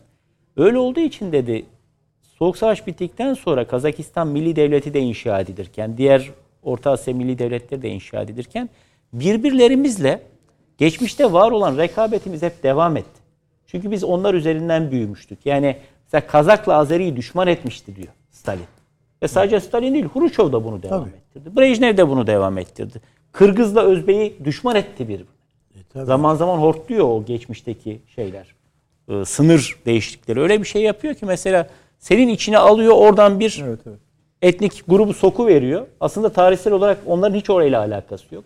Yahut sen pamuk ekiyorsun ama sende çırçır fabrikası yok mesela. Çırçırı yan tarafa İşte koyuyor. Tacikistan'la e, Kazakistan, e, Özbekistan arasında bakıyorsun e, su kavgaları var. Yani işte Bakü'den petrol çıkıyor. Rafinerisi olmadığı için Grozny'ye göndermek zorundasın Çeçenistan'a falan. Bir bağımlılık da oluşturuyor bir yandan. Dolayısıyla dedi biz dedi hiç dedi mesela Azerbaycan için üzülmemiştik daha evvel dedi. Karabağ'ın Azerbaycan toprağı olduğu umurumuzda bile değil. Ya dedi bu savaş esnasında öyle bir hava oluştu ki yani biz hep Z kuşağı Z kuşağı diyoruz ya o zaman gazetecinin dediğini hatırlıyorum. Kazak gazeteci bu. Ya bizim Z kuşağı dedi bize bir ışık tuttu dedi. Siyasilerimize bir ışık tuttu. Ya arkadaş Güzel siz ne yapıyorsunuz? Siz ne yapıyorsunuz? Bunlar Türk ya. Bizim gibi. Ve bu Türklerin toprağını Ermeniler işgal etmişler. 1 milyon kişi kaçkın olmuş. Göçmen olmuş. Bunlar da bunları ve diyor biz medyada özellikle sosyal medyada daha evvel bilgane kaldığımız bu konuda o Z kuşağının da zorlamasıyla Kazakistan'ın o genç kuşağının zorlamasıyla bir evvela fikir sahibi olduk. Arkasından da bir şuur sahibi olduk. Siyaseti de etkiledi. Bu çok önemli bir şey. Bu Kazakistan'da değil sadece. Türkmenistan'da da Kırgızistan. Bunun arkasının getirilmesi lazım. Çok önemli evet. Çünkü bu Azerbaycan meselesindeki o görüş birliği mesela niçin Kuzey Kıbrıs Türk Cumhuriyeti konusunda olmasın? Çünkü orası da netice itibariyle yıllarca yok edilmeye çalışılan, değil mi? Bir Türk halkı orada bir 1983'te devletini kurmuş. O tarihten bu tarihe bağımsız ama işte Türkiye'den başka tanıyan yok. Niçin? Arkasından o gelmesin. Niçin? Bütün bu Türk dünyası arasında Schengen'e benzer bir pasaport, ortak Türk pasaportu olmaz. Yani tek bir pasaport ve bu alanda şimdi biz mesela Gürcistan'a kimlikle girip çıkmıyor muyuz? Azerbaycan'a kimlikle girip çıkıyoruz. Niçin Türk dünyası bütün ülkeler birbirlerine kimlikle girip çıkamasınlar? E, Daha düne kadar vize vardı hepsinde. Müşterek bir tarih kitabımızı mesela niye yazmıyor? Müşterek bir barış gücümüzü. Kademe kademe ilerliyorum. Yani müşterek Türk barış gücümüz. Biz hazırız kardeşim. Şimdi bizim NATO bünyesinde burada kaçıncı? iki mi? Üçüncü kolordu, kolordu yok mu? Değil mi? O işte acil müdahale gücü olarak duruyor. Tamam biz de bir müşterek barış gücü kuralım. Birleşmiş Milletler'e diyelim ki arkadaş bak biz müşterek bir barış gücü kurduk. Dünyanın herhangi bir yerinde şey varsa barış edelim. ha, barış ve şey operasyonları kurmaya çalışırken biz niye insani kurmayalım yani? insani operasyonlar biz gitmeye hazırız kardeşim. Ama bu sayede mesele o değil. Mesele Kazak, Kırgız, Türkmen, Azerbaycan, Türk ordusunun müşterek harekat kabiliyetini artırmak. Mesele o. Bunların aynı. Azerbaycan'la onu çözdük biz. Evet tabii. Allah'a şükür onlarla Rus- çözdük. Rusya'nın da Yani var hem tabii teorik hem pratik manada sahada da müşterek harekat yaparak çözdük yani. İşte bu Kazakistan'daki olaylar belki bu süreci Ha, en azından istihbarat bunu seviyesinde ay olsa bunu biraz bunları, bunlar, besler bunlar yani. benim söylediklerimin bir kısmının tabii ki kökü var da bir kısmı ancak böyle Temelli çok ediyor. uzun yıllar çalışmak lazım. Çünkü Rus ona müsaade eder mi? Yani Kazakistan'da çok ciddi bir FSB mi diyorlar? Şimdi gerçi Dış Evet. FSB'yi tasfiye etmiş onun yerine Başka bir şey. şeyi koymuş. E, askeri istihbarat Putin. Ukrayna'ya da gireyim bir cümle. Kısaca hocam ne olur? E, Valla dün tabii daha fare doğurdu. De da, da Ruslar kurmadılar ki hocam. Evet, daha Amerikalılar kurdu. Hayır şöyle yani bir beklenti oluştu. Kimin kurduğu önemli değil ama dünyada şöyle bir beklenti oluştu. Bir defa iki ay öncesine dönelim 22 Şubat'a. 9 Mayıs'ta bu iş bitecek. 9 Mayıs'ta faşizme karşı, nazizme karşı zaferin kazanılmasının işte 77. yılında biz Ukrayna'da da nazizme karşı zaferi kazandık diye anons edecek bitecek bu iş diye düşünürken bu böyle bir şey olmadı. Ee, daha farklı bir şey açıklayacak, seferberlik ilan edecek falan gibi böyle laflar söylendi. O da olmadı. Ama ne oldu? Bir kalktık Odessa'yı bombalıyor. Yani şimdi yani o ölümü gösterip sıtmayı razı etme. Ama Kiev'de bunu denedi olmadı. Yani Kiev'e girerim ha bırak şu Donbas'ı dedi öyle olmadı. Bin tane tankı gitti adam. O sebeple ben Amerika Birleşik Devletleri'nin bu savaşın katiyen bitmesini istediğini düşünmüyorum. Sonuna kadar bu çatışmanın devam etmesi için kimsenin umurunda değil Ukraynalılar. Tabii tabii. Hiç, O tamamen show business diyorlar En ya. başta Ukrayna Devlet Başkanı'nın umurunda değil. O da o show business'ın bir parçası olduğunu ispat Evet. etti yani gözüküyor. Yani eşofmanla giyip çıkıyor adam Maalesef. sahaya. Ee, Bizim buradaki durumumuzu da ayrıca bir belki konuşmak lazım. Çünkü çok doğru bir yerde durduk. Bugüne kadar da çok doğru bir yerde devam ettik. Ama şimdi bizim üzerimizdeki baskılar da artmaya başladı. Batıdan, Ee, batıdan gelen baskılar. Rusya ile ilişkinizi biraz daha Daha, ya, tabii Evet. yani bu istemiyor barış görmüyor musunuz? Etrafı yakıp yıkıyor ve bütün dünya o tarafta siz niye bu taraftasınız diye baskılar artmaya başladı ama elimizde bizim çok önemli bir imkan var. Bunu da hep dile getiriyoruz. O da Montreux. Tabii. Biz dedik Boğazlar. bakma kardeşim biz boğazı kapattık. Bunu, bunu açtığınız iyi oldu. Dün kendi sitelerinde e, Le Monde Diplomatik'in şöyle bir şey vardı. Yani bu Montreux işini çok büyütüyor Avrupa. Yani işte bize destekledi falan filan. Hayır öyle değil diyor. Türkiye diyor bu sadece diyor Montreux'u uygulayarak batıya çalışmadı diyor. Aslında Ruslara da çalıştı diyor. Yani biz de oraya geçemiyoruz diyor. Evet geçmiyor Evet, tabii. zaten. Niye Yani- karıştırıyorsun? Her geçtiğinde karıştırdın burayı. Öyle. Zaten Geçme hiç yani. girmesinler zaten. O Karadeniz'i göl gibi Korunur. Yani bugün Tabii de ekonomi Ukrayna'da var. akan her damla kanda Batı'nın da sorumluluğu var. Yani belki akıtan Ruslar ama Batı'nın da çok büyük sorumluluğu Yerden var. göğe. Bulaşmasaydın sen buraya. Bakın bunu daha evvel söyledim ben. 2009 krizinde, Gürcistan krizinde. Ne yaptılar? Amerikalılar buradan gemi soktu. Hani 21 gün mü kalacak, Tabii, son tabii, olacak, Gürcistan'a yardım kırdılar hocam, daha çok kalsın İnsani yardım bahanesiyle daha fena kriz derinleşti. Türkiye çok güzel bir şey yaptı. Kardeşim ben bunu kapatıyorum, Rus'a da kapatıyorum, başkasına da kapatıyorum. Hiç olmazsa krizin orada sınırlı tutulmasını, daha da büyümesine mani olmaya çalıştı. Ee, Avrupa ister görsün ister görmesin Türkiye çok doğru bir yerde duruyor. Ben, ben tamamen haklısınız hocam. Ee, Süleyman hocam, Buyurun. bir Kazakistan söyleyin ama e, başka ülkeler de var galiba değil mi? Türkiye minik minik üçgenler kurabilir miyiz? Evet. Bu arada ben siz iki, yani konuşmanızın ikinci bölümünde Ukrayna'ya yer açacağınızı tahmin ediyorum.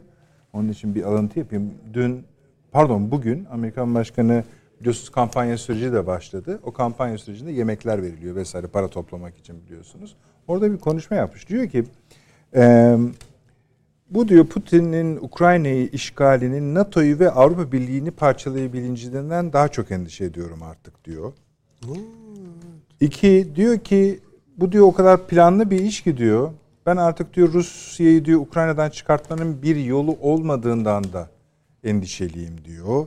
Evet mücadele ediyoruz Ee, ama maliyeti ucuz değil.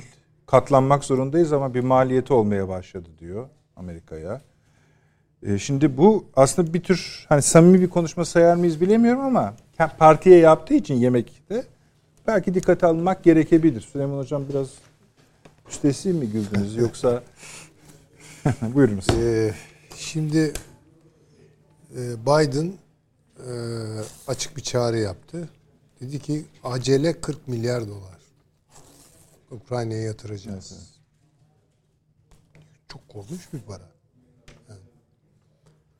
Tabii herkes birbirine bakıyor. Kim yatıracak bu parayı diye. Şey kendi hükümet talebi olarak yani bütçeden pay istiyor. Tabii. Ve alacaktır muhtemelen.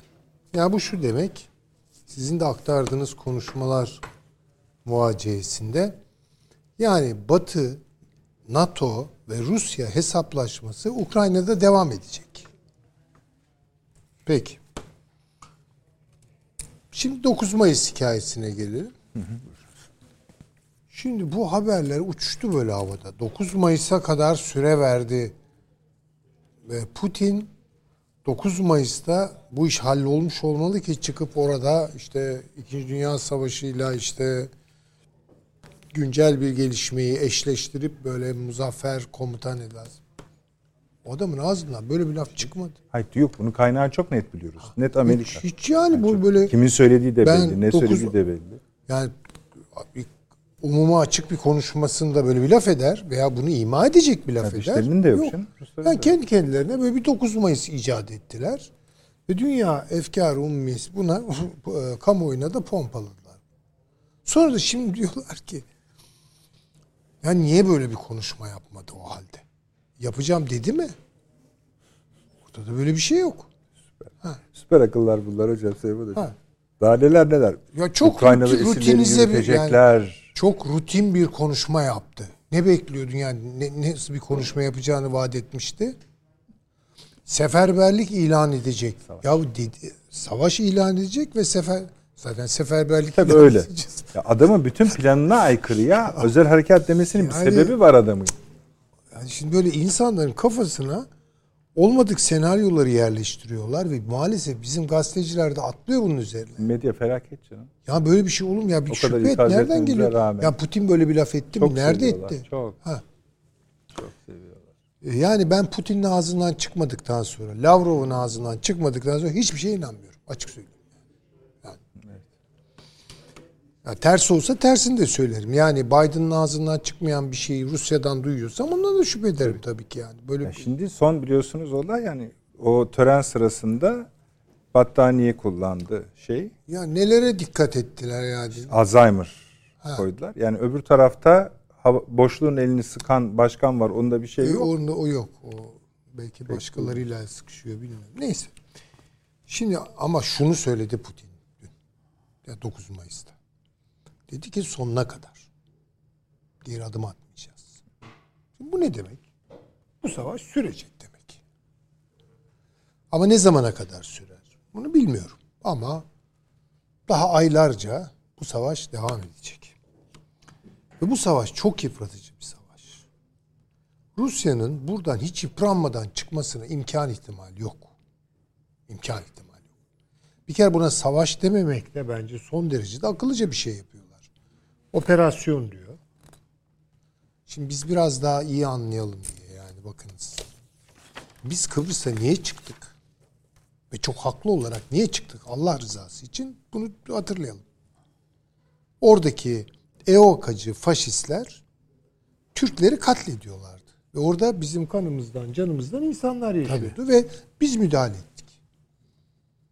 Peki Rusya'ya sorarsanız niye Ukrayna'ya? 2014'te Donbas'ta yaşanan katliamları dikkat edelim 14 bin resmi Birleşmiş Milletler raporuna girdi bu. E biz Kıbrıs'a çıkarken haklıydık da onlar da oraya girmekte haklıdırlar. Başka sebepleri konuşmuyorum. Yani şey değil. Yani işte e, Batı'nın e, silahları gelecekmiş, füzeleri gidecekmiş falan. Bunu, bunları söylemiyorum.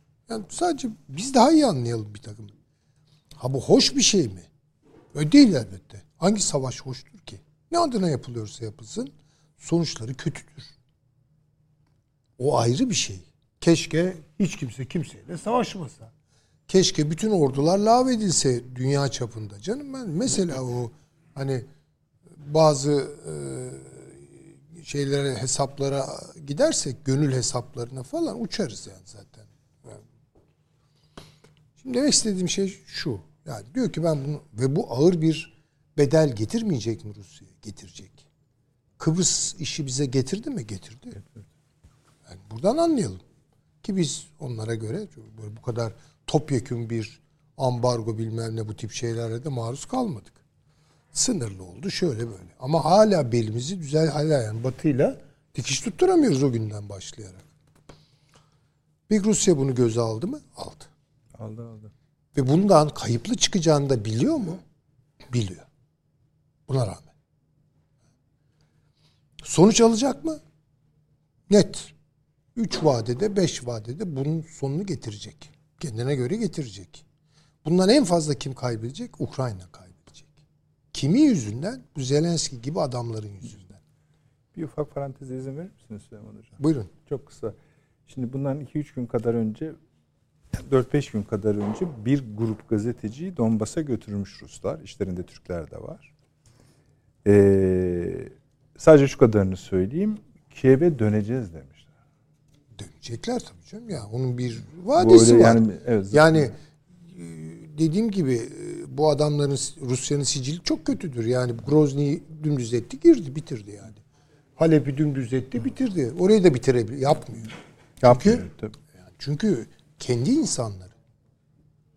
Ya biz böyle bir şey düşünebilir miydik yani böyle e, insanlarımızı kurtaracağız diye e, halıya çevirmek ortalığı falan böyle bir şey olmaz. Dolayısıyla o operasyon olarak bakıyor. Dikkatli götürmek zorunda. Hata yapmamak zorunda.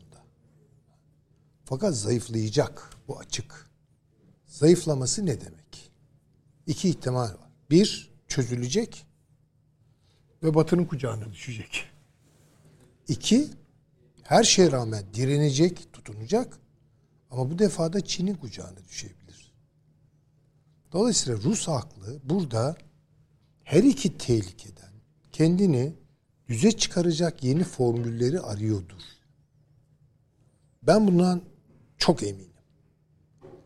Asya'daki varlığını, Türk varlığını, oradaki Türk işte birliği, Türk devletleri, topluluğu falan artık Türkiye olmaksızın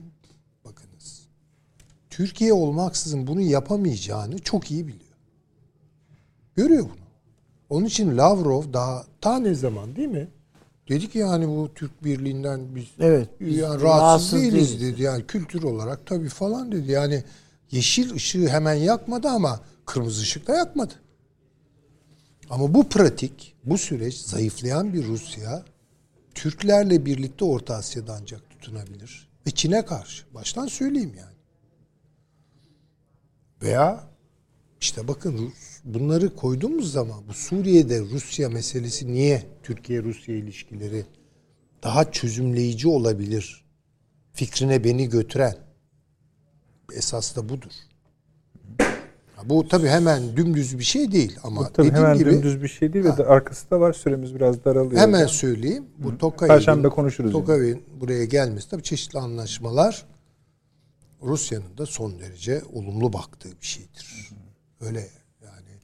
Bunu Rusçuydu, yok meğer değilmiş, Türkçe oldu falan böyle düşünmüyorlar. Çünkü Kazakistan Türkiye Cumhuriyeti ile Rusya arasındaki muhtemel Asya işbirliğinin zeminini oluşturuyor. Bizde de şöyle bir yanılgı olmasın onu da söyleyeyim. Çok uzatmayayım. Yani biz oraları Rusya'dan koparırız işte sonuçta Türklük ortaya. Hayır öyle yapamazsın. Orada ya beraber olacak bu iş veya iki taraf da bunu yapamayacak artık. O da Orta Asya kuşağının, Türk dünyasının Batı'nın eline düşmesi anlamına gelir. Bunu perşembe açalım. Tamam. Detaylı önemli. Çok teşekkür ediyorum. Yani orada da bitmiyor iş. Anlıyorum gözlerinizden. tabii, tabii. Onu konuşalım. Abi sizden sadece Kazakistan alalım izin verirseniz. Sonra perşembe yine konuşuruz. Yani Kazakistan, ya Rusya. Ya bizim göbeğimiz birlikte kesilmiş esasında. Rusya'yla. Dolayısıyla yani savaşsak da, tepişsek de veya sarılsak, öpüşsek de yani değişmiyor. Bu coğrafyada biz birlikteyiz yani Rusya'yla. Gelecekte de birlikte olacağız. Bunu ne kadar çabuk Moskova idrak ederse, biz ne kadar çabuk içimize sindirirsek bunu. Çünkü bizde de bir Moskov şeyi var.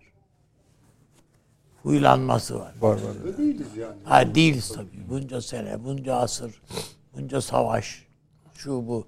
Yani habire bu e, Baltacı Mehmet Paşa hikayeleri falan boşuna söylenmiyor yani. Hep o şey duygularımızı tatmin etme ihtiyacından.